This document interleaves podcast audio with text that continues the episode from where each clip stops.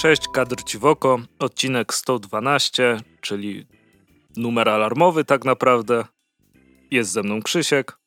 Tak, alarmowo jestem. Jest, jest też ze mną Andrzej. I to ja. I co? I co? I dwa tygodnie kolejne minęły. Znowu słyszymy się przez łącza internetowe i w ogóle. Ach, tęsknię już za widokiem twojej szlachetnej twarzy. Te, to, to... Przejdźmy dalej. Dobra. Dobra, przejdźmy dalej. E, pojawił się katalog Egmontu, więc tak, tak jak wspominaliśmy dwa tygodnie temu, e, że e, jak katalog będzie, to się mu tam troszeczkę mocniej przyjrzymy, więc no, może, możemy zacząć od katalogu, który ma ponad 200 stron, 215 stron i, i to była taka lektura która momentami mnie naprawdę bardzo mocno i pozytywnie zaskoczyła, więc pewnie też o tym powiemy.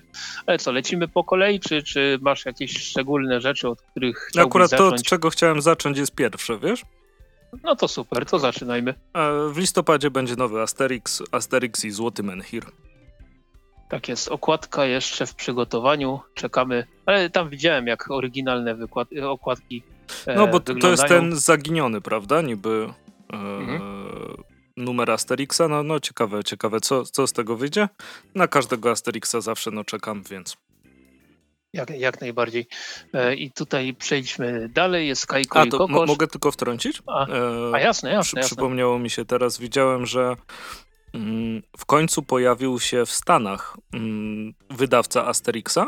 Dostał prawa i tak dalej i niedługo zacznie na nowo publikować Asterixy w USA, więc jeśli, więc tamci czytelnicy jak się otworzą na to, to mam nadzieję, że mm, jakoś to pomoże rozwojowi też marki. Było parę gier, które przeszły na trochę bez echa, mhm. Mm, ale może co, coś więcej pójdzie. zawsze fajnie, jeśli e, marka ma szansę się rozwijać. I widziałem, że oni wydają też e, wydania zbiorcze i tam są chyba po trzy Asterixy. I masz to zarówno w miękkiej okładce, jak i w twardej okładce. Okej. Okay. Natomiast warto też wspomnieć, że ten Złoty Menhir to będzie e, nie, nie tyle klasyczny komiks, co ilustrowane opowiadanie. Mhm. I e, tam się udzielali jeszcze obaj oryginalni, e, obaj nie, nie Albert Uder, Uderzo jeszcze się tam udzielał mhm. swego czasu, więc, więc to będzie taka fajna mm, ciekawostka. I tutaj gdzieś coś słyszałem, że, że we, Francji zdaje się, że to w jakiejś takiej turbo fajnej edycji ma, ma wyjść, i, ale niestety nie umiem teraz znaleźć tej informacji, ale wygląda na to, przynajmniej patrząc po katalogu, że będzie to taki standardowy komiksik 22,99 e, scena okładkowa, więc, więc nie nastawiam się tutaj na nic, nic e, Aha. turbo ekskluzywnie wydanego, ale, I, ale tak, czekamy. Jeśli to ma być ilustrowane opowiadanie, no to chyba będzie wyglądało tak jak Obelix wpadł do, jak Obelix wpadł do kociołka e, druida, nie? Bo to też był e, taki format tak, tak, pamiętam jak się zdziwiłem, jak, jak czytałem pierwszy raz. Ej, tylko ile ja wtedy lat miałem, nawet, nawet nie mam pojęcia. Więc e, jak, jak to my mówiliśmy w listopadzie, ten, ten Asterix i tak. to jest już na pewno bardzo, bardzo poważny e, argument za tym, żeby na, tego, na ten listopad czekać. Tutaj oczywiście wspomnijmy też jeszcze, że wszystkie te daty, które są w katalogu są datami na chwilę obecną, a ponieważ no dzieje się, co się dzieje cały czas, to nie można tego wszystkiego tak na 100% brać, bo coś się może przesunąć. Trzymajmy kciuki, żeby się nic nie poprzesuwało, no ale, ale trzeba mieć to też na uwadze. Mhm. To co dalej? Kajko i kokosz. Tak. tak? Kajko i kokosz i tutaj w lipcu mamy Lania Lotania, czyli edycja poznańska Szkoły Latania. Mhm. Nie wiedziałem, nie wiedziałem, tak, nie, nie wiedziałem, prawdę mówiąc, że w Poznaniu jest aż tak, aż taki dialekt jakiś tam regionalny ich, żeby cały komiks tak zrobić, ale, ale z ciekawością zobaczę, bo, bo te dobrze, wszystkie że, edycje... Dobrze, że Śląsk nie ma na przykład, prawda, takiego, żeby im wydać komiks. No, albo wznowić chociażby. Eee, natomiast e, tak jak te wszystkie regionalne wydania Kajko i Kokosza, tak i ten oraz e, teraz się zapluje, jak to będę czytał, Dzionecek Śpasów, edycja góralska na październik zapowiedziana, mhm. no to są takie, są takie rzeczy, które ja z przyjemnością sobie sprawdzę, bo dialekty dialekty regionalne to, to, to, jest, to jest coś fajnego. Ja tak, bardzo jasne. lubię. Bardzo To- lubię słuchać, niekoniecznie rozumiem. Ale, no, ale, ale, za, zawsze wiesz, za, zawsze się coś dokształcisz, nie? Za, zawsze Mhm. poznasz trochę y, czy, czegoś innego. No, jeśli chodzi o Kajka i Kokosza, ja tylko żałuję, że nie ma tego jednego języka, na który mm, wydaje mi się, że trochę osób czekało. Już nawet był przez chwilę, prawda? Czyli angielska edycja. Tak, tak. No, mało popularny język. e, rozumiem opóźnienia. No, z, ty- z tym fletem tam, czy fujarką, wciąż się pewnie zastanawiałem, jak to przełożyć. Pewnie tak, ale nie wi- wiesz, ogólnie to jest wstyd, bo, bo Christa jest naprawdę czymś, co czym powinniśmy się chwalić za granicą. E, I to, że z klasyków polskiego komiksu no, no, nie ma po angielsku praktycznie. Nie wiem, czy tam Torgala... O, czekaj, czy to polski komiks. Em, No, w, ka- w katalogu jest bardzo polski. tak, tak. E, no, na, natomiast chodzi Poś- mi o to, że to są rzeczy, którymi... się z tego później. no, którymi powinien, powinniśmy się chwalić, bo to są naprawdę świetne komiksy. E, szkoda, że ich nie ma, nie ma po angielsku. No pewnie to też byłby problem z dystrybucją i może nakładem, bo oczywiście, wiesz, mógłbyś to mieć w Polsce, żeby osoby przyjeżdżające tu, znające angielski, mogły sobie kupić. To uważam, że jest Mhm. fajne. E, natomiast no, wysyłka tego za granicę to pewnie zupełnie inne rzeczy, o których nie mam pojęcia, więc na to jakby nie chcę wpływać. Ale fajnie by było, gdyby był na przykład taki album zawierający jakieś, nie wiem, pojedyncze historie czy coś takiego polskich twórców po angielsku, żeby dało się to jakoś promować. A tymczasem na razie mamy edycję ukraińską, francuską, rosyjską. I nie, no bardzo Tylko dobrze, tej- bo to nasi sąsiedzi. Ale Tak, niemieckiej tak, nie ma, jak- prawda? No, Znaczy, no, właśnie Francuzi to nie do końca nasi sąsiedzi, ale lubią komiks. Tak jest. No właśnie też się zastanawiałem, bo, bo angiels, z angielską są problemy takie, jakie są, ale na przykład właśnie też widzę oczyma wyobraźni edycję na przykład wło- włoską czy niemiecką, ale to jest, to jest pole do popisu dla Egmontu. Na razie z katalogu wynika, że edycja angielska wyparowała. No i no do, do, dupy, no ale co, co zrobić? Natomiast Kajtek mhm. i Koko e, pojawią się w sierpniu i w grudniu. W sierpniu dwór e, Apodyktusa, natomiast w grudniu bogini moczarów. Tak jest. I tutaj przejdziemy e, dalej, jeśli chodzi o rzeczy dla młodszych czytelników. E, we wrześniu prawdopodobnie na MF, która się może odbędzie, może się nie odbędzie. E, mamy tutaj w zapowiedziach na przykład kolejnego Lila i Puta, tom mhm malutki lisek, wielki dzik, tom szósty. Piękna okładka. Tak, bardzo, bardzo fajna. Tutaj scrolluję, scrolluję, scrolluję. E, na wrzesień czwarty tom Krasnoluda Napa. Mhm. Żeni się. Fajny ty, podtytuł Żeni się tylko 8 razy. I okładka też mi się podoba. E, I tutaj co jeszcze, Jeszcze mamy? Maja, i Mini- Minizaury. Tak, do, do, do, doskrobałem się wreszcie do tego. E, tom trzeci. I czy coś jeszcze? Tutaj już mamy Tintina, więc tych polskich komiksów to na, wrzesień są zapowiedziane te cztery. Trzymamy kciuki nie tylko za to, żeby się ukazały w terminie, ale też, żeby udało się być może nawet w Łodzi je kupić. Chociaż coraz bardziej powątpiewam, Mhm. patrząc na to, co się dzieje. Już się nawet nie nastawiam. No ja te, też się nie nastawiam, że, że pojedziemy, no ale no co, Mhm. co zrobić, nie? No, Znaczy, no, patrząc na to, jak to się rozwija, że do końca nie będzie wiadomo, to um, chyba w tym roku trzeba będzie trochę złamać tradycję. Jeśli się odbędzie, e, to Mhm. wydaje mi się, że w tym roku trzeba będzie trochę złamać tradycję i pojedziemy w sobotę, wrócimy w sobotę.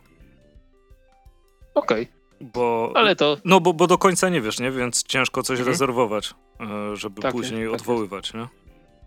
tak jest, tak jest. Zobaczymy, jak to będzie. Zwłaszcza, że to wykonalne. To ktoś- nie jest północ Polski, żeby... Dok- dokładnie. No właśnie chciałem powiedzieć, że nie, nie, nie, trzeba jechać pociągiem 10 godzin czy, czy autem 8, więc e, a jak teraz autostrada A1 tak pięknie pociągnięta do Częstochowy, to kurczę, dwie godziny jesteśmy. No, zwłaszcza jak w samochodzie prędkości nie czuć. Tak, pozdrawiamy Bartka, pseu- pseudonim operacyjny 160 km na godzinie. Na godzinę. Przejdźmy do katalogu, wróćmy do katalogu. Sześć E, Lucky la- Luke'ów w tym roku. Tak jest. I jaranko straszliwe.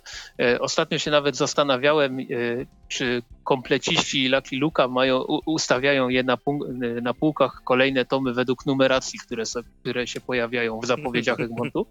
No, no. no tak, to, to mnie zawsze bawi, jak widzę zapowiedzi Egmontu i na przykład e, chyba w lipcu, tak, w lipcu ma wyjść 18 i 68 tom. I mówię, o kurczę, swoją drogą nie wiedziałem, że tyle Lucky Luke'ów powstało, a tam to, to idzie naprawdę w dziesiątki tomów. No, Lucky Luke masowo No ale- wychodzi. No ale tak, dwa tomy w lipcu, jeden we wrześniu, jeden w październiku, jeden w listopadzie i jeden w grudniu, czyli będziemy mieli nawet miesięcznik, Mhm. można powiedzieć. Ale to faj, fajnie, Lucky Luke zawsze, zawsze, zawsze fajny, tak samo jak i Smurfy. Tak, a tego A jeszcze Smurfów? trzy numery. Tak jest, awantura w wiosce Smurfów czerwiec, Czyli klasyk na stary? letnisku. Tak jest, Smurfy na letnisku, sierpień i październik, Smurfy i smok z jeziora. Bardzo mi się podoba okładka tych Smurfów i Smoka z jeziora. Jest Mm, taki skaczący Smurf jest chyba dla mnie najklasyczniejszym z możliwych Smurfów. Co, coś, coś w tym jest faktycznie. E, co my tutaj mamy dalej? Sisters. E, kolejny tom, a nie, to jest jakieś Super, Super Sisters, Sisters. czyli jaka, jakaś rzecz poboczna najprawdopodobniej, premiera w listopadzie. Ale na I układce jest dinozaur, typie, to już...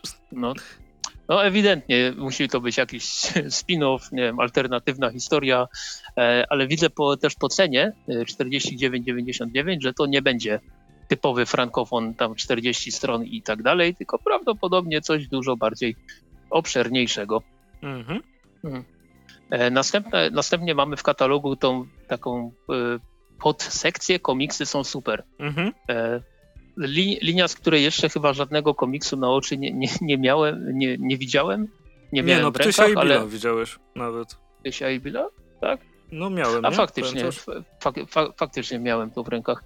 No to, no to kajam się. I, I tutaj co my co widzimy? Ernest i Rebeka, premiera w 2021. Tutaj e, na YouTube'owym kanale Egmontu odbyła się też taka pogadanka uzupełniająca z panem Tomaszem Kołodziejczakiem i on tam tłumaczył, że rzeczy, które mają napis premiera w 2021 roku, były planowane na ten rok, ale z powodów wiadomych zostały przesunięte na, na rok kolejny, więc można się spodziewać, że ten 2021 rok z, z zapowiedzi to będzie raczej początek niż koniec przyszłego roku. Mhm. E, I co my tutaj dalej? Mamy Ptyś i Bill. Dwa Ptyś i numery. Bill, dwa, E, tak. Znaczy jeden Je- w tym roku i jeden na przyszły. tak, tak jest. I tutaj to będzie siódmy i ósmy tom, więc Mhm. tutaj lecimy, lecimy do siostro Kamila i konie. Premiera w sierpniu kolejnego, t- kolejnego tomu. E, To, to, to jest właśnie tytuł, po który chciałem sięgnąć, ale jeszcze się nie zdecydowałem ostatecznie. bo się zapisz do nas do bardzo podoba. A, dobra, to wró- wrócimy do tego. No, E, no. Pamiętnik, pamiętniki Wisienki, tom trzeci w październiku. Śledztwo Enoli Holmes, kolejne dwa tomy, czerwiec i listopad. Czarolina. o, Bardzo ładna ty- nazwa. ty, tytuł mi się podoba, okładki też mi się podobają, więc tutaj może, może faktycznie zwrócę uwagę jakąś mocniejszą. To będzie nowa seria.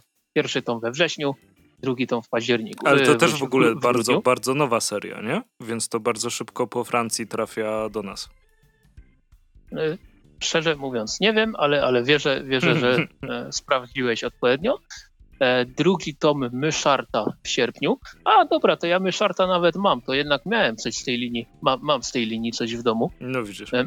My, Myszart całkiem, całkiem spoko, chociaż bez rewelacji. Druga okładka E. mi się bardziej podoba, bo na pierwszej mam wrażenie, jakby Myszart był taki, no. Niespełna rozumu. Okej, rozumiem. E, Phoebe i jednorożec, tom trzeci w maju, aha, czyli już się ukazał, i tom czwarty w październiku. Mhm. Tutaj też e, jestem, powiedzmy, że zainteresowany, bo rysunkowo mi się to podoba. Krainę lodu pomijam, bo to. Bo cię nie e, interesuje. Ale będą no. trzy tomy Jakari jeszcze w tym roku. no, dwa, dwa. A, przepraszam, dwa, tak, tak, tak. Już z, z, zapatrzyłem Mhm. się na te. i- E, W lipcu w Krainie Wilków, e, w listopadzie e, Więźniowe Wyspy, natomiast Wielka Nora w przyszłym roku. No i to będzie ósmy, dziewiąty i dziesiąty tom, więc tutaj też bardzo, bardzo szybko e, idziemy z tym wydawaniem te, te, tej serii. Bo To jeżeli dobrze pamiętam, chyba dwa pierwsze tomy we wrześniu e, w Łodzi, albo jakoś tuż koło Łodzi się ukazały. E, Chyba tak. Tak coś, tak coś mi świta. E, I z, e, niestety Izno Guda nie ma kolejnych tomów w zapowiedziach, Mhm. ale coś, coś słyszałem na e, wspomnianej pogadance YouTube'owej, że mm, w planach jest znaczy w planach, jest zainteresowanie wznowieniem e, Kit Paddle. O jejku, tutaj... to byłoby super. To, to, o, właśnie, to tak? się jaram. Tak coś czułem, że, że spodoba Ci się ta informacja. W przyszłym roku będzie kolejny tom Cliftona. Tutaj e, wspominałem w podcaście chyba o pierwszych dwóch tomach. Generalnie spoko, ale im dalej w las, tym bardziej mi się ta seria nie podobała. E, Gnat, no niestety w tym roku z Gnata nic nie będzie, ale też na, mm, na wspomnianym filmiku było powiedziane, że jest cały czas plan na to, żeby wydać taki jeden solidny tom zbierający te wszystkie dotąd niewydane rzeczy poboczne. Mhm. No tylko problem jest z dostępnością materiałów w chwili obecnej. Więc czekamy, bo Gnat jest spoko i chciałbym mieć komplecik na półeczce. No ale to wiesz e... też, wydaje mi się, że tu jest jeszcze parę e, ciekawych mm, zmiennych, które mogą się pojawić. Po pierwsze serial animowany dla Netflixa, który powstaje e, na podstawie e, e, Gnata. Mhm. I to, że właśnie zaczęła się nowa seria dla dzieci. Bone Adventures zaczęła wychodzić. No to nawet nie wiedziałem. I tam są, są no, dzieciakami, wszyscy mają, wyglądają jak Eddie Daddy trochę. O, Wiesz, w czapeczkach okay. i tak dalej. A kto to wydaje? O, ja nawet nie wiem. To na, na fanpage'u no. Jeffa Smitha widziałem, wiesz? Yy, informację. Okay. Dobra, rozumiem. Natomiast kolejna rzecz i tutaj jaranko straszliwe z mojej strony, czyli kaczogrody, kolejne, kolejne odsłony. I tutaj prawdopodobnie polecę z torbami, bo wygląda na to, że w drugiej połowie roku co miesiąc coś będzie. No, tak- kolejne, tak, tak wychodzi. Kol, kolejne, kolejne barksy, czer, lipiec, wrzesień i grudzień. Natomiast sierpień, październik i listopad kolejne tomy to, Donarosy, z czego e, czwarty i piąty tom e, wujka Sknerusa i Kaczora Donalda będzie zawierał rzeczy wydane wcześniej jako Życie i czasy Sknerusa Makwacza. I tutaj wychodzi na to, że jednak wygrałem, nie kupując tego komiksu, bo, bo teraz mi się nie zdubluje. Ale, ale tak, od, od lipca do końca roku co miesiąc kolejny tom kaczych, kaczych komiksów, więc jaranko straszliwe, bo, bo niesamowicie mi się podoba e, zwłaszcza ta kolekcja Donarosy, mhm. aczkolwiek tą, tą Barksową też z przyjemnością jak najbardziej czytam. Wszystkie siedem tomów jak dotąd wydanych mam i, i liczę, czekam na więcej. Garfield e, będzie we wrześniu, ósmy tom, natomiast dziewiąty na przyszły rok zaplanowano, więc tutaj fani Garfielda też, też dostaną kolejne trójpaki. Mhm. 9 tomów razy 3 to już 27 takich normalnych tomików, tak mm -hmm. jakby zostało zapowiedzianych, a ile tego jest, to aż, aż strach pomyśleć jeszcze przed nami. No lepiej nie liczyć. E, ko hmm, komiksy z Minecrafta też pomijam, bo jakoś szczególnie mnie to tam nie interesuje. Mm. Ale te, Gwiezd... e, ale tak, będą tak. jeszcze trzy w tym, w tym tak. roku. Tak jest, będą trzy. E, Gwiezdny Zamek, czyli seria, którą chyba, chyba mm, masz tam gdzieś e, w swoich zasobach? Nie. Czy, czy mi się źle kojarzy? Źle ci się kojarzy. Aha. Okładki podobne do Trzech Duchów Tesli, to może dlatego ci się źle Aha, kojarzy. to, to, pew, to pewnie dlatego. E, w każdym razie piąty tom tego cyklu w przyszłym roku i przechodzimy do superbohaterów Marvela, czyli przeskroluję cały ten rozdział i przejdźmy do czegoś fajnego, tak? Czy nie? Nie, e, dobra, oczywiście mo można wspomnieć. Nie, no coś tylko... jest w Marvelu. Tak, tak, można wspomnieć, tylko oczywiście z, ja, ja, ze swojej strony od razu mogę powiedzieć, że w większości z tych zapowiedzi no nie mam pojęcia, co to są za komiksy, więc, więc nie będę polecał ani odradzał. Mhm. W większości nie, nie znaczy, że wszystkie te. Najpierw się muszę przeskrolować przez te wszystkie rzeczy, które już zostały wydane. O, dobra, mam. Sp Amazing Spider-Man, globalna sieć. Co tam, raz, dwa, trzy, cztery, siódmy i ósmy tom w tym roku jeszcze będą i zostanie wydany Venom, e, Inc. Venom, Venom Incorporated i ja przez moment się jarałem, że to będzie ten Venom danego Catesa, to wtedy, bym, wtedy bym się zainteresował, ale jednak Głupcze. nie. To jest, jaka, to jest jakaś tam historia poboczna z tej globalnej sieci, jakiś tam event crossover, nie wiem w sumie, w każdym razie kolejne odsłony Pająka lipiec, październik i grudzień tego roku. Mhm. E, Deadpool. Nieważne. Deadpool wciąż, e, wciąż jest wydawany, to jest niesamowite. Nie, no, no dobrze się sprzedaje na pewno Deadpool, nie? Dużo osób lubi Deadpoola, dużo osób go czyta, nie ma, nie ma, się, nie, nie, ma się co dziwić. Natomiast Astonishing X-Men w sierpniu, e, jeden tom, All New Wolverine w przyszłym roku. Tak jest. Miss Marvel też w przyszłym roku, tom kolejny. Mhm.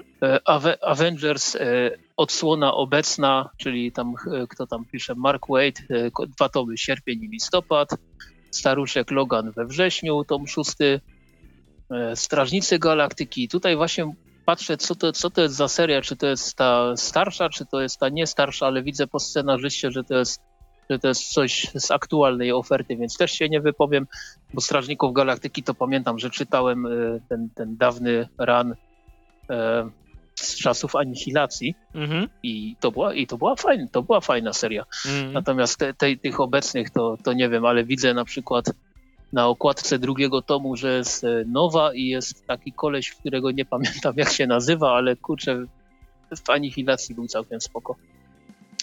Anyway, e, kolejne tomy potężnej Thor e, w czerwcu i w listopadzie. Hawkeye w Hawkeye, przyszłym ten, roku. Ten, ten, od, ten Tak, tak, tak. Tylko, że to już jest mhm. Thompson?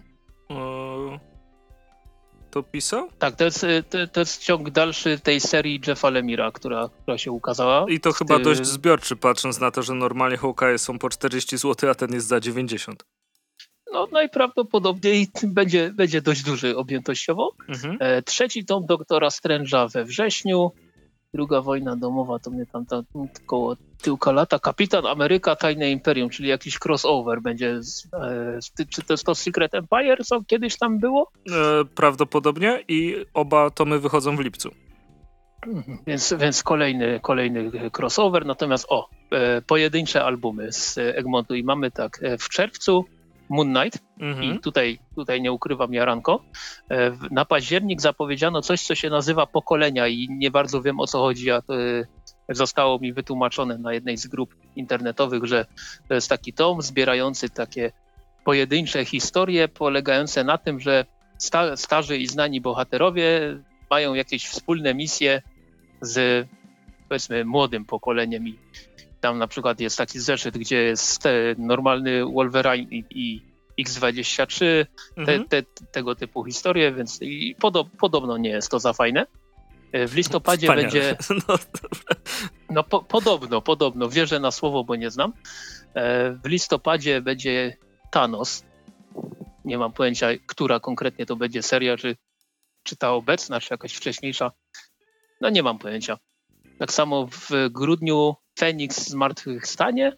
Powrót I to Jean Grey. Nie... Uhu. I, I, to też nie wiem, czy to jest, co to jest w zasadzie, który to jest z powrotów Jean Grey, bo ona zaliczyła ich kilka, więc, więc no, no nie mogę się wypowiedzieć tutaj mm -hmm. jakoś szczególnie.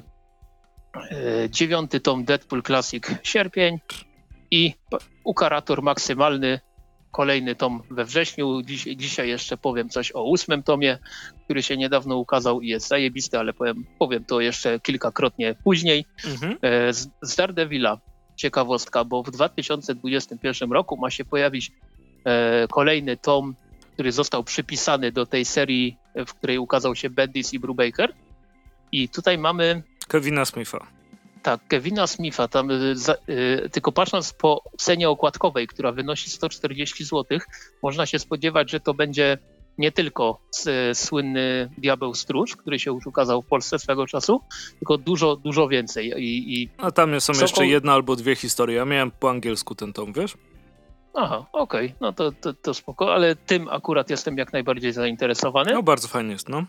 Natomiast Daredevil Franka Millera, tom czwarty w listopadzie i też, też cena okładkowa 140 zł, więc można się spodziewać, że to będzie, że to będzie naprawdę kozak, bo te dwa, drugi i trzeci tom, które mhm. też kosztowały powyżej stówy, one były objętościowo objętościowo wypasione, więc, więc zobaczymy. Mhm. E, Ultimate Spider-Man, kolejne tomy, o to już siódmy i ósmy. Jeden w lipcu, e, drugi Jed... w przyszłym roku. Tak jest. E, natomiast taką swoją swoistą nowością, chociaż już kiedyś wydaną e, częściowo w Polsce, będzie październikowy Ultimate X-Men. A to mnie cieszy e, akurat, wiesz? wiem, że mimo wszystko Mark Millar, ale mam duży sentyment do tego komiksu właśnie chyba przez poprzednie wydanie, czyli przez dobry komiks. Mhm. Tak, ja pamiętam, te, też to zbierałem i, i wiesz, jaki jest mój stosunek do Marka Millara, ale to było całkiem świeże jak, tak jak Ultimate, cała linia Ultimate mia, miała być takim odświeżeniem postaci. No, ale później dobry komiks spuścił New X-Men, no i wiesz. Już nie było odwrotu. tak, tak, tak puścił, że wydał e, cztery zeszyty z siedmiu. A to było irytujące. No, ale na szczęście. No. Tak. E, co my tutaj mamy? X-Men Wojna Królów, e, czyli mm, taki kosmiczno-mutancki crossover ukaże się w sierpniu. Kapitan Ameryka Eda Brubakera, który jest fajnym kapitanem Ameryką. Mamy kolejne tomy w czerwcu i w grudniu, mhm. więc to, to, to akurat polecam, bo jest cholernie fajne. O, jest Strażnicy Galaktyki, ta seria starsza, która, o której mówiłem wcześniej. Ta, która jest e, fajna. Czyli tak, e, Dana Abneta i Endego Laninga. Brakło mi tych nazwisk, więc, więc skróciłem do tego, że jest fajne, ale tak, ta seria jest fajna. I tutaj e, ciekawostka, nie wiem, czy to jest błąd, czy to nie jest błąd, bo pierwszy tom na październik zapowiedziany 90 zł, drugi tom na grudzień 40 zł. Więc hmm, Coś, coś czuję, że ta trójeczka się też e, z ósemką e, zamieniła miejscami i drugi tom też będzie kosztował 89,99, ale zobaczymy. Mm, I jeszcze co my tu mamy? O, kolejna rzecz, którą się jaram, czyli czerwcowy Silver Surfer. No, srebrny skater zawsze, zawsze mile widziany. Tak, tyle, tyle go w Polsce dotąd wydano, że, że można się tylko załamać, ale, ale przypowieści sobie sprawie. Ale mogliby e... wydać też tego, co go o, um, państwo Olred rysowali i kolorowali. E, tak, tak. Kto go pisał? Fajne. Rany. Aha. No tak, oczywiście. Zapomniałem scenarzysty, bo... Ech, no dobra. Sklero, skleroza, skleroza, e, więc e, no, zaraz, zaraz sobie przypomnimy. Mm. E, co, co tam dalej jest w katalogu? Już ci mówię, co jest dalej w katalogu. Dalej w katalogu e, mamy dużo Konanów. Mm. E, we wrześniu Dan mamy... Slot. Co? Dan, Dan Slot, dziękuję Dan właśnie. Slot. Tak, tak, tak. Szy, szy, szybki googling. e, we wrześniu mamy powrót tak. do Cymerii. E, Konan Barbarzyńca, księga druga w październik, księga trzecia grudzień. E, natomiast Miecz Barbarzyńcy Konan to jest premiera w maju, czyli już była. Albo będzie za jest parę dni. Była. Nie, nie, to, to, to ch chyba już były. A zresztą zobaczymy, e, zobaczymy kiedy, to, kiedy to przyjdzie. Natomiast e, teraz lepsze Konana, uniwersum. O, o, o, ostro, nie? Ostro tego Konana E, że tak tu ujmę, ciśnie Egmont. Mhm. Nie, nie mam z tym problemu. E, nie mam z tym problemu. Strasznie dużo Konana generalnie jest ostatnio na naszym rynku, bo były i te, i te klasyczne z Dark Horse'a i ta cała, e, ta cała kolekcja od Ashet, która chyba się już skończyła, albo, albo Naprawdę? A nie wiem w sumie, bo, bo nie, nie, nie, nie, nie, nie wiem, nie wiem, mogę się mylić, bo, bo ostatni raz na oczy widziałem którykolwiek tom, oj, tak dawno temu, że Ciężko że, że no, nawet tak, nie pamiętam kiedy to było, mm, ale sobie zaraz sprawdzę na internecie, internecie natomiast w katalogu mm, przechodzimy do najlepszego uniwersum DC. superbohaterskiego. No, no nie, bo nie ma tutaj warianta, ale przechodzimy do DC. Dobrze. D, D, I zacznijmy od DC Deluxe, bo tutaj. E, tu już jest sporo strony... rzeczy, które bym chciał. No z mojej strony jest jaranko, bo ja chcę wszystkie pięć zapowiedzianych tomów do końca roku, więc, więc masakra można no, więc powiedzieć. Ja, pożyczę sobie od ciebie władzę absolutną, bo mnie akurat tam e, Wildstorm e, lubię czytać, nie muszę go mieć, zdecydowanie. Grzeszysz, grzeszysz. E, ale mamy uniwersum DC według Majka Mignoli. To też zawsze cieszy, bo Mike Mignola w każdej postaci zawsze cieszy. Jego Instagram mhm. nadal przewspaniały. Nie wiem, czy będzie coś lepszego od Kermita. Jego Kermit jest chyba moją ulubioną rzeczą teraz. No, to strasznie dużo fajnych rzeczy ostatnio tam powydawał. No, ale oprócz tego będzie Omega Man, to też Jaranko, mhm. wiadomo. E, potwór z bagien Scotta Snydera, to Jaranko. E, znaczy, i... tutaj, tutaj się zastanawiam jeszcze, czy, czy ja na pewno to chcę, bo bo właśnie tak patrzę na e, półeczkę i ja w sumie mam wydania, no mam trady oryginalne jeszcze, więc... A ja nie. Ale, ale, ale, to, be, ale to będzie w jednym gigantycznym tomie, zresztą zobacz sobie jaka tam jest cena. Tak właśnie widzę. Się, się, się, można, za przeproszenie można się zesrać na sam jej widok, ale, no. bo to jest 100, 165 zł, ale tam w środku będzie, jeżeli dobrze liczę, chyba z 500 stron materiału. Ale y, powiedz mi, bo tutaj y, nie ma w Polsce Animalmana od Jeffa Lemira, mhm. y, a w tej serii Snydera był crossover z tym Animalmanem, prawda? Tak, ale da się to czytać. Okej. Okay. Ale no to jeśli się... to wyszło, to mam nadzieję, że Animal Man też się może pokaże. Może ten, który za chwilę w katalogu będzie, e, mhm. jest takim testem przed e, Lemirowskim. Mhm.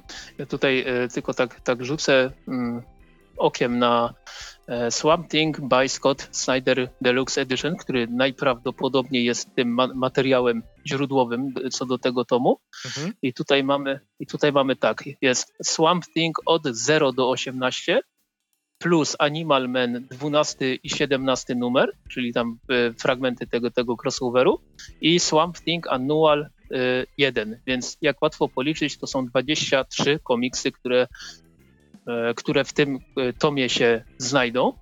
I wydanie oryginalne, tak jak mówiłem, 512 stron. Mhm. Nie, było, nie było jak dotąd tak obszernego DC Deluxe w Polsce, ani w ogóle chyba nie było tak, tak, tak że tak powiem, rubego komiksu z DC w Polsce. No nie, nie wiem, czy Sprawiedliwość z Muchy nie, nie jest podobnej objętości, no ale Sprawiedliwość z Muchy się ukazała parę lat temu, więc tą, tą cenę okładkową potwora z bagien ja staram się jak najbardziej zrozumieć i i tro, trochę się śmieję, bo już gdzieś w internecie wyczytałem e, straszliwe płacze, że nawet po 30% rabacie wciąż będzie powyżej stówy.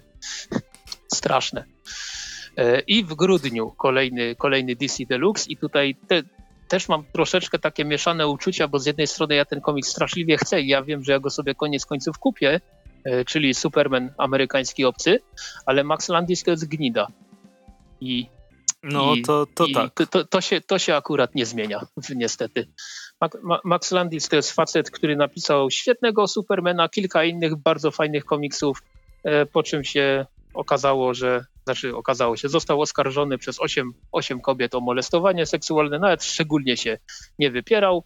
No i tyle go widzieliśmy w komiksowie od tego czasu. Nie sprawdzałem, czy przypadkiem nie siedzi w pierdlu, ale, no ale wciąż, wciąż gnida. Niemniej, kurczę, komik, komiks naprawdę fajny. Jeden z lepszych Supermanów ostatnich lat, moim zdaniem. No, no, coś, coś, coś w tym jest. Ale przechodząc dalej, w tym roku jeszcze dwa Batmany. Sierpień, listopad. E, później mamy dwa flasze jeszcze w a, tym roku, lipiec, ale, grudzień. przepraszam, że tak się wetnę. E, ten listopadowy mm, Miasto Bejna, cena okładkowa 70 zł, więc to będzie chyba dwa tomy w jednym tomie. Tak Mo może jeśli całą historię zamknie? Nie wiem, może jakiś tain tam był? Nie wiem, nie ogarniam. Y, Batmana Toma Kinga nie, nie ogarniam od okolic drugiego tomu. No dobra, tak czy siak. E, tam jeszcze Flash, no ale no wiadomo. Mhm. E, Harley Quinn w sierpniu i to jest ostatni tom tej serii. E, mhm. Co mamy następnie? E, Batman Black and White, część pierwsza, część druga we wrześniu i to jest wpisane jako Batman Noir tak, tak, z tego co słyszałem, to ma być e, dostosowane formatem i jakością wydania do wcześniejszych tomów z serii Batman Noir. I tutaj z, z tą tego, jakością widzę, wydania to wiesz. No wiesz, no nawet coś paskudnie wydanego je, ma jakość wydania, tylko niską po prostu. Nie, nie, po prostu uważam, że to jest trochę re reklamowanie tego jako taki super kolekcjonerski i tak dalej, to, to, to nie, nie wygląda aż tak. No tak, ja też e, zmieniłem trochę zdanie w momencie, gdy miałem w łapach dwa z tych, dwa, dwa z dotąd wydanych Batman Noirów. W każdym razie Black and White ukaże się we wrześniu i tutaj widzę i pierwszy i drugi tom po 200 zł. No. Cen, cena okładkowa, więc no, na pewno sobie nie kupię. No, Batman, który się... No, przepraszam, no. Już coś Mo, może co najwyżej znowu gdzieś w jakiejś bibliotece dorwę to do rąk własnych, przekartkuję, stwierdzę, że dobrze, że nie kupiłem i, i pójdę dalej. Mm. Batman, który się śmieje, zarażeni e, w listopadzie, to jest z cyklu e, Batman Metal. Mm. I tutaj jest stówka za niego i przechodzimy tak, do... No. Znaczy ja tak dorzucę bo, dorzucę, bo ten Batman, który się śmieje, to ma chyba też z 10, 10 zeszytów w środku, stąd ta cena mhm. e, okładkowa, bo to będzie trochę większy tom niż tom pierwszy. Natomiast już czekam, już, jest, już się zastanawiam, jak w przyszłym roku, o ile to będzie w przyszłym roku, Egmont, pod jakim tytułem Egmont wyda, wyda w Polsce Death Metal. Czyli tą kontynuację. Może no, przekonamy czy, się. Czy, czy, czy, będzie Batman Metal Śmierci, czy, czy coś w ten desen? I cały czas trzymam kciuki, żeby Scott Snyder zrobił jeszcze trzecią część te, tego eventu, który się będzie nazywał Heavy Metal. Natomiast e, Black Label. Oj, wegetariański, progresywny grindcore jeszcze. O, te, te, też by mogło być. Black Label. Tak. Superman, rok, Superman rok pierwszy Franka Millera i Johnny, Johna Romita, Romity Juniora w czerwcu.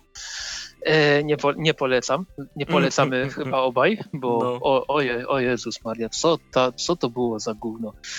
E, znaczy, no, we wrześniu Batman, Ostatni Rycerz na Ziemi, Snydera i Capullo. E, nie czytałem, więc się nie wypowiem. Natomiast w listopadzie Jeff Lemire, Andrea Sorrentino, Jordi Bellare, Joker, Zabójczy Uśmiech i tutaj już z mojej strony Jaranko, bo widziałem, czytałem pierwszy znaczy ja, ja cały czas mam problem, czy w przypadku Black Label mówić o zeszytach, bo to, to ciężko nazwać zeszytami te, te, kolejne odsłony y, tych serii, więc, więc powiem pierwszą odsłonę tej miniserii czytałem i mi się podobało. Jeff Lemire zawsze spoko. Mhm. E, z uniwersum DC, czyli z tych obecnych komiksów DC mamy kolejne Supermany. E, seria Superman w czerwcu i w październiku wróć, wróć Action, Action Comics w czerwcu i w październiku. Tak, a zwykły Superman. Zwykły Superman w lipcu i w, kolej, w przyszłym roku. E, Liga Sprawiedliwości, kolejne odsłony, kolejna odsłona we wrześniu. Drugi tom Green Lanterna w październiku, Jaranko, bo pierwszy był bardzo fajny. Mhm. Natomiast nowa odsłona Detective Comics będzie w lipcu, sierpniu i październiku, przy czym w sierpniu to będzie ten tysięczny numer. Mhm. E, pewnie będzie e, 49,99, a czyli jednak nie będzie twarda oprawa ani nic z tych rzeczy. Ale chyba wspominaliśmy o tym komiksie e, w podcaście jakiś czas temu. Na, na pewno wspominaliśmy, bo mówiłeś, że najlepsza historia to była ta Paula Diniego. A, bo tak, bo to kupiłem zeszyt przecież. E, tak. Jak, jak, jak był. No, okładki miał super. Tak, tak jest, ja, ja też sobie kupiłem chyba wersja 1940 E, bo to były te roczni, rocznik, tak, tak, rocznikowe, tak, tak, tak, dekado, dekadowe o bardziej okładki. Natomiast z, takich pojedynczych komiksów z DC, które nie będą w ramach DC Deluxe wydanych, wydane to jest Kryzys Bohaterów w maju, e, ponoć, ponoć nie za fajna historia, Lewiatan we wrześniu i to jest Bendis, więc też można się raczej spodziewać, że nic fajnego. Ale Natomiast Lewiatan to się długo ciągnął jako postać, nie? To był Lewiatan? No, znaczy, te, to, jest, e, to jest tom zbiorczy, który będzie zawierał ten event Lewiatan e, z tego roku, e, z tego, wróć, z poprzedniego roku, więc co tam dokładnie się, się to nie było długie, to była jedna miniseria i parę tajinów. Ale e, czekaj, ja mylę? Ta postać, co Morrison wprowadził, która gdzieś tam z tyłu była w Incorporated? Nie wiem, bo nie czytałem Lewiatan. Mm, do, dobra, to ja, ja mogę, mogę mylić po prostu. No, a, ja, a ja po prostu nie mam pojęcia. Natomiast w październiku wreszcie długo wyczekiwany zegar zagłady, czyli Doomsday Clock, e, który był już zapowiedziany ho, ho, ho dawno temu, ale e, cykl wydawniczy tego, tego tytułu w USA sprawił, że doczekamy się polskiej edycji dopiero w październiku. Mhm. I tutaj też, też jest zagadka, czy to będzie od razu całość, czy to będzie podzielone na dwa tomy, bo cena okładkowa sugeruje, że w sumie nie wiadomo. Bo jeżeli byłby to tylko pierwszy tom zawierający 6 zeszytów, to cena okładkowa 99,99 jest e, za wysoka. Natomiast jeżeli by to była całość zawierająca całe 12 zeszytów, to z kolei podejrzanie tanio się wydaje. Mhm. E, więc więc tutaj, tutaj jest zagwozdka. Natomiast w listopadzie. E, aha, przeczytaj, przeczytaj ten tytuł po polsku, nie? Deceased? Deceased, Deceased właśnie, czyli, czyli taka alternatywna historia. E, Marvel której... Zombies w DC, jakby do, nie patrzeć. Doku, do, dokładnie tak to wygląda. E, nawet pamiętam kiedyś e, na DC Maniaku się zastanawialiśmy, pod jakim tytułem można by to wydać w, Pol w Polsce i nie, nie było dobrego pomysłu, tak na dobrą sprawę. Mm. Z, więc e, A sam tytuł się, jest bardzo fajny, jakby, tak, jakby nie patrzeć. Tak, to jest taka właśnie, można powiedzieć, gra słów, którą mega ciężko przełożyć, żeby to miało ręce i nogi, więc w sumie się cieszę, że, że nie dostaliśmy śpiocha na przykład. E, albo, wciąż... zaciem, albo tego, zaćmienia. Mm. Ach, no zdarza się. Natomiast z rzeczy kolejnych z DC będzie Mroczny rycerz kontratakuje, Złote czy coś tam. dziecko w Złote, złote dziecko. Powrót złote Mrocznego dziecko. Rycerza, typie. O, po, powrót Mrocznego Rycerza, Złote Dziecko w grudniu e, za 50 zł, więc e, no to był taki Więc możecie zaoszczędzić 50 zł. Tak, tak, kupując, na, możecie przeznaczyć te pieniądze na przykład na, na, nie wiem, na cegły w Castoramie, to będzie lepszy wydatek. Dokładnie. E, Albo kupić za to ekstremalnie dużo słonecznika, jak będziecie mogli sobie posiedzieć na ławce. tak jest. I to, to też jest bardzo dobry pomysł. No i co, przechodzimy do Vertigo w końcu, Tak. bo Verti, Vertigo z DC e, ode mnie, e, znaczy tutaj też mam te, te, takie z rzędu z rzędu, że tak to ujmę, bo w katalogu mamy napisane Vertigo, a te komiksy i tak będą w Polsce się ukazywały jako Black Label, wszystkie. Mhm. Więc, więc cóż, e, tak, w listopadzie będzie e, Sandman Magii. Uniwersum Księgi Magii. E, Tak. Chciałbym, żeby ta, te poprzednie Księgi Magii się pokazały w Polsce. Mhm. Byłoby to cał, całkiem spoko i wi, widzę nawet jakąś taką małą szansę, bo, bo gdy ten Sandman z Netflixa się z, będzie zbliżał do premiery, to wyczuwam wznowienia wszystkiego, co się Mhm, tylko mhm. da z, z nazwiskiem Gaimana na okładce, więc czemu by nie dorzucić też, też coś nowego?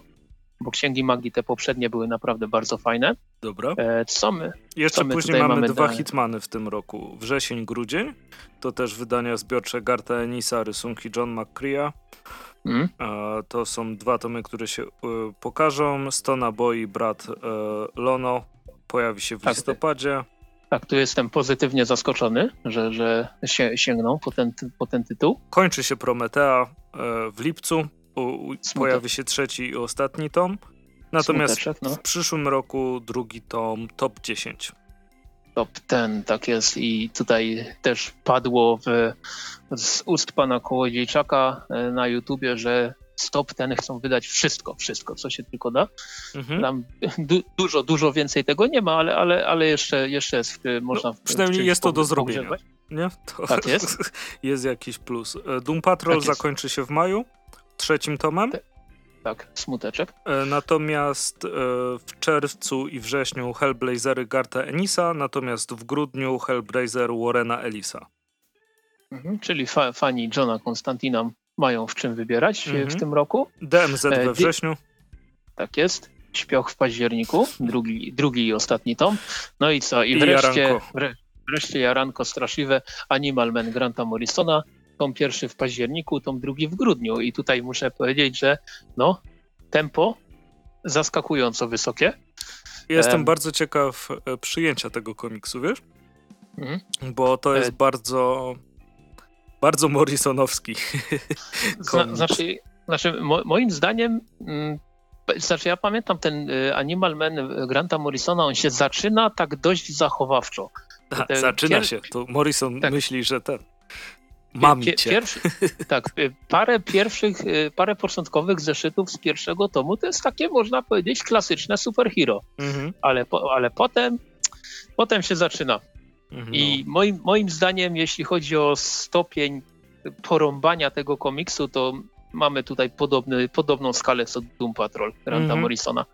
Nie jest to najbardziej porąbany komiks jego autorstwa, bo The Invi Invisibles to jest moim zdaniem je, je, jeszcze wy- wyższa półka, ale, ale będzie się działo naprawdę dużo dziwnych rzeczy w tej, w tej serii. I, i jaranko, że wreszcie się ukaże w Polsce. Natomiast e, zaskakująca, jak dla mnie, zapowiedź na sierpień to jest Global Frequency, po polsku będzie globalne pasmo Warrena Elisa. E, tutaj no, nazwiska robią wrażenie, bo to jest e, scenariusz Elisa, rysuje Brian Wood, Liam Sharp, Simon Beasley, Lee Berme, Joe Bermejo, no ten, tenże, tenże artysta. No ale to jest taka rzecz, która pamiętam odbiła się dość dużym echem w Stanach swego czasu, ale to echo bardzo szybko ucichło i, i, i to była w ogóle taka miniseria z Wildstormu. Kolejna rzecz z Wildstormu, która się pokaże po, po polsku, więc w sumie spoko. E, No ale co, Warren Ellis, Warren Ellis jest, jest jednym z tych twórców, do, co do których naprawdę nie mogę się przyczepić, więc tutaj jaranko jak najbardziej. Przechodzimy do, co my tutaj mamy, Dark Do Dark Horse'a. BBPO dwa tomy w tym roku. Sierpień, listopad. Czwarty i piąty e, tom Piekła na ziemi. Nie, Tak czekaj. jest, no Tak, czwarty i piąty. No. Tak jest, tak jest. Tutaj e, ja- jaranko niesamowite. Tutaj od razu dorzucę, że e, jest te po, potwierdzenie, że będzie Ape Sapien. prawdopodobnie w przyszłym roku w błękitnej oprawie, która pewnie też się będzie brudziła, ale, ale nie będzie biała. No. Więc, ale, więc Ejcepien spoko, Jaranko, um, Usagi Yojimbo kolejne tomy wrzesień i grudzień. I początek w lipcu. Tak jest. I, po, I drugi tom początku w lipcu. Ja, ja jestem już trochę w plecy z tym, mhm. e, z, z, tą serią i kurczę, ale, ale, ale nadrobię, nadrobię, bo pierwszy tom początku i czwarty tom, czekaj, patrzę na półkę, tak, czwartego tomu e, sagi jeszcze nie mam, a tu kolejne już lada moment wychodzą. Ojoj, nie, nie nadążam. E, co my tutaj Resident mamy dalej? Alien w tak, listopadzie. Tak, Resident, tak jest, to jest, to jest też rzecz, na którą czekam, bo czytałem ją w oryginale i to jest, to jest ten to jest ten fajny Dark Horse. Mhm. Ten, te, taki, taki autorski, autor w Polsce, Peter Hogan, no, no raczej nie jest znany, ale naprawdę nie zrażajcie się. E, ten komiks jest, jest naprawdę na fajnym, fajnym poziomie i przypuszczam, że premiera została zaplanowana na listopad, bo pewnie gdzieś wtedy mniej więcej pojawi się też ten serial e, ze stacji Sci-Fi, po polsku Syfy, e, z, z, z z bardzo fajnym aktorem w roli głównej, o którym oczywiście z Alan Tudyk w roli głównej, więc, więc e, tutaj czekam na ten serial i tak samo mocno czekam, czekam na komiks. Z Czarnego Młota w lipcu będzie kolejny tom Ery Zagłady. W październiku będzie Czarny Młot kontra Liga Sprawiedliwości. Natomiast na przyszły rok już zapowiedziano Skaldigger i Skeleton Boy. Natomiast w USA w najbliższym czasie ukażą się chyba z trzy kolejne spin-offy Czarnego Młota, więc te, też będzie, będzie co wydawać w kolejnych mi miesiącach e, we, we Polsce. E, komiksy z innych wydawnictw amerykańskich. E, Palcojad, trzeci i ostatni tom w sierpniu. Trzeci i ostatni tom pierwszej serii, bo lada moment rusza Palcojad Powrót w Stanach. Jeśli chodzi o Invincible, to mamy kolejne tomy w lipcu, w październiku i w 2021 roku, ale biorąc pod uwagę cykl wydawniczy, to będzie styczeń. Mhm. E, I z Image'u niestety tylko tyle e, w katalogu.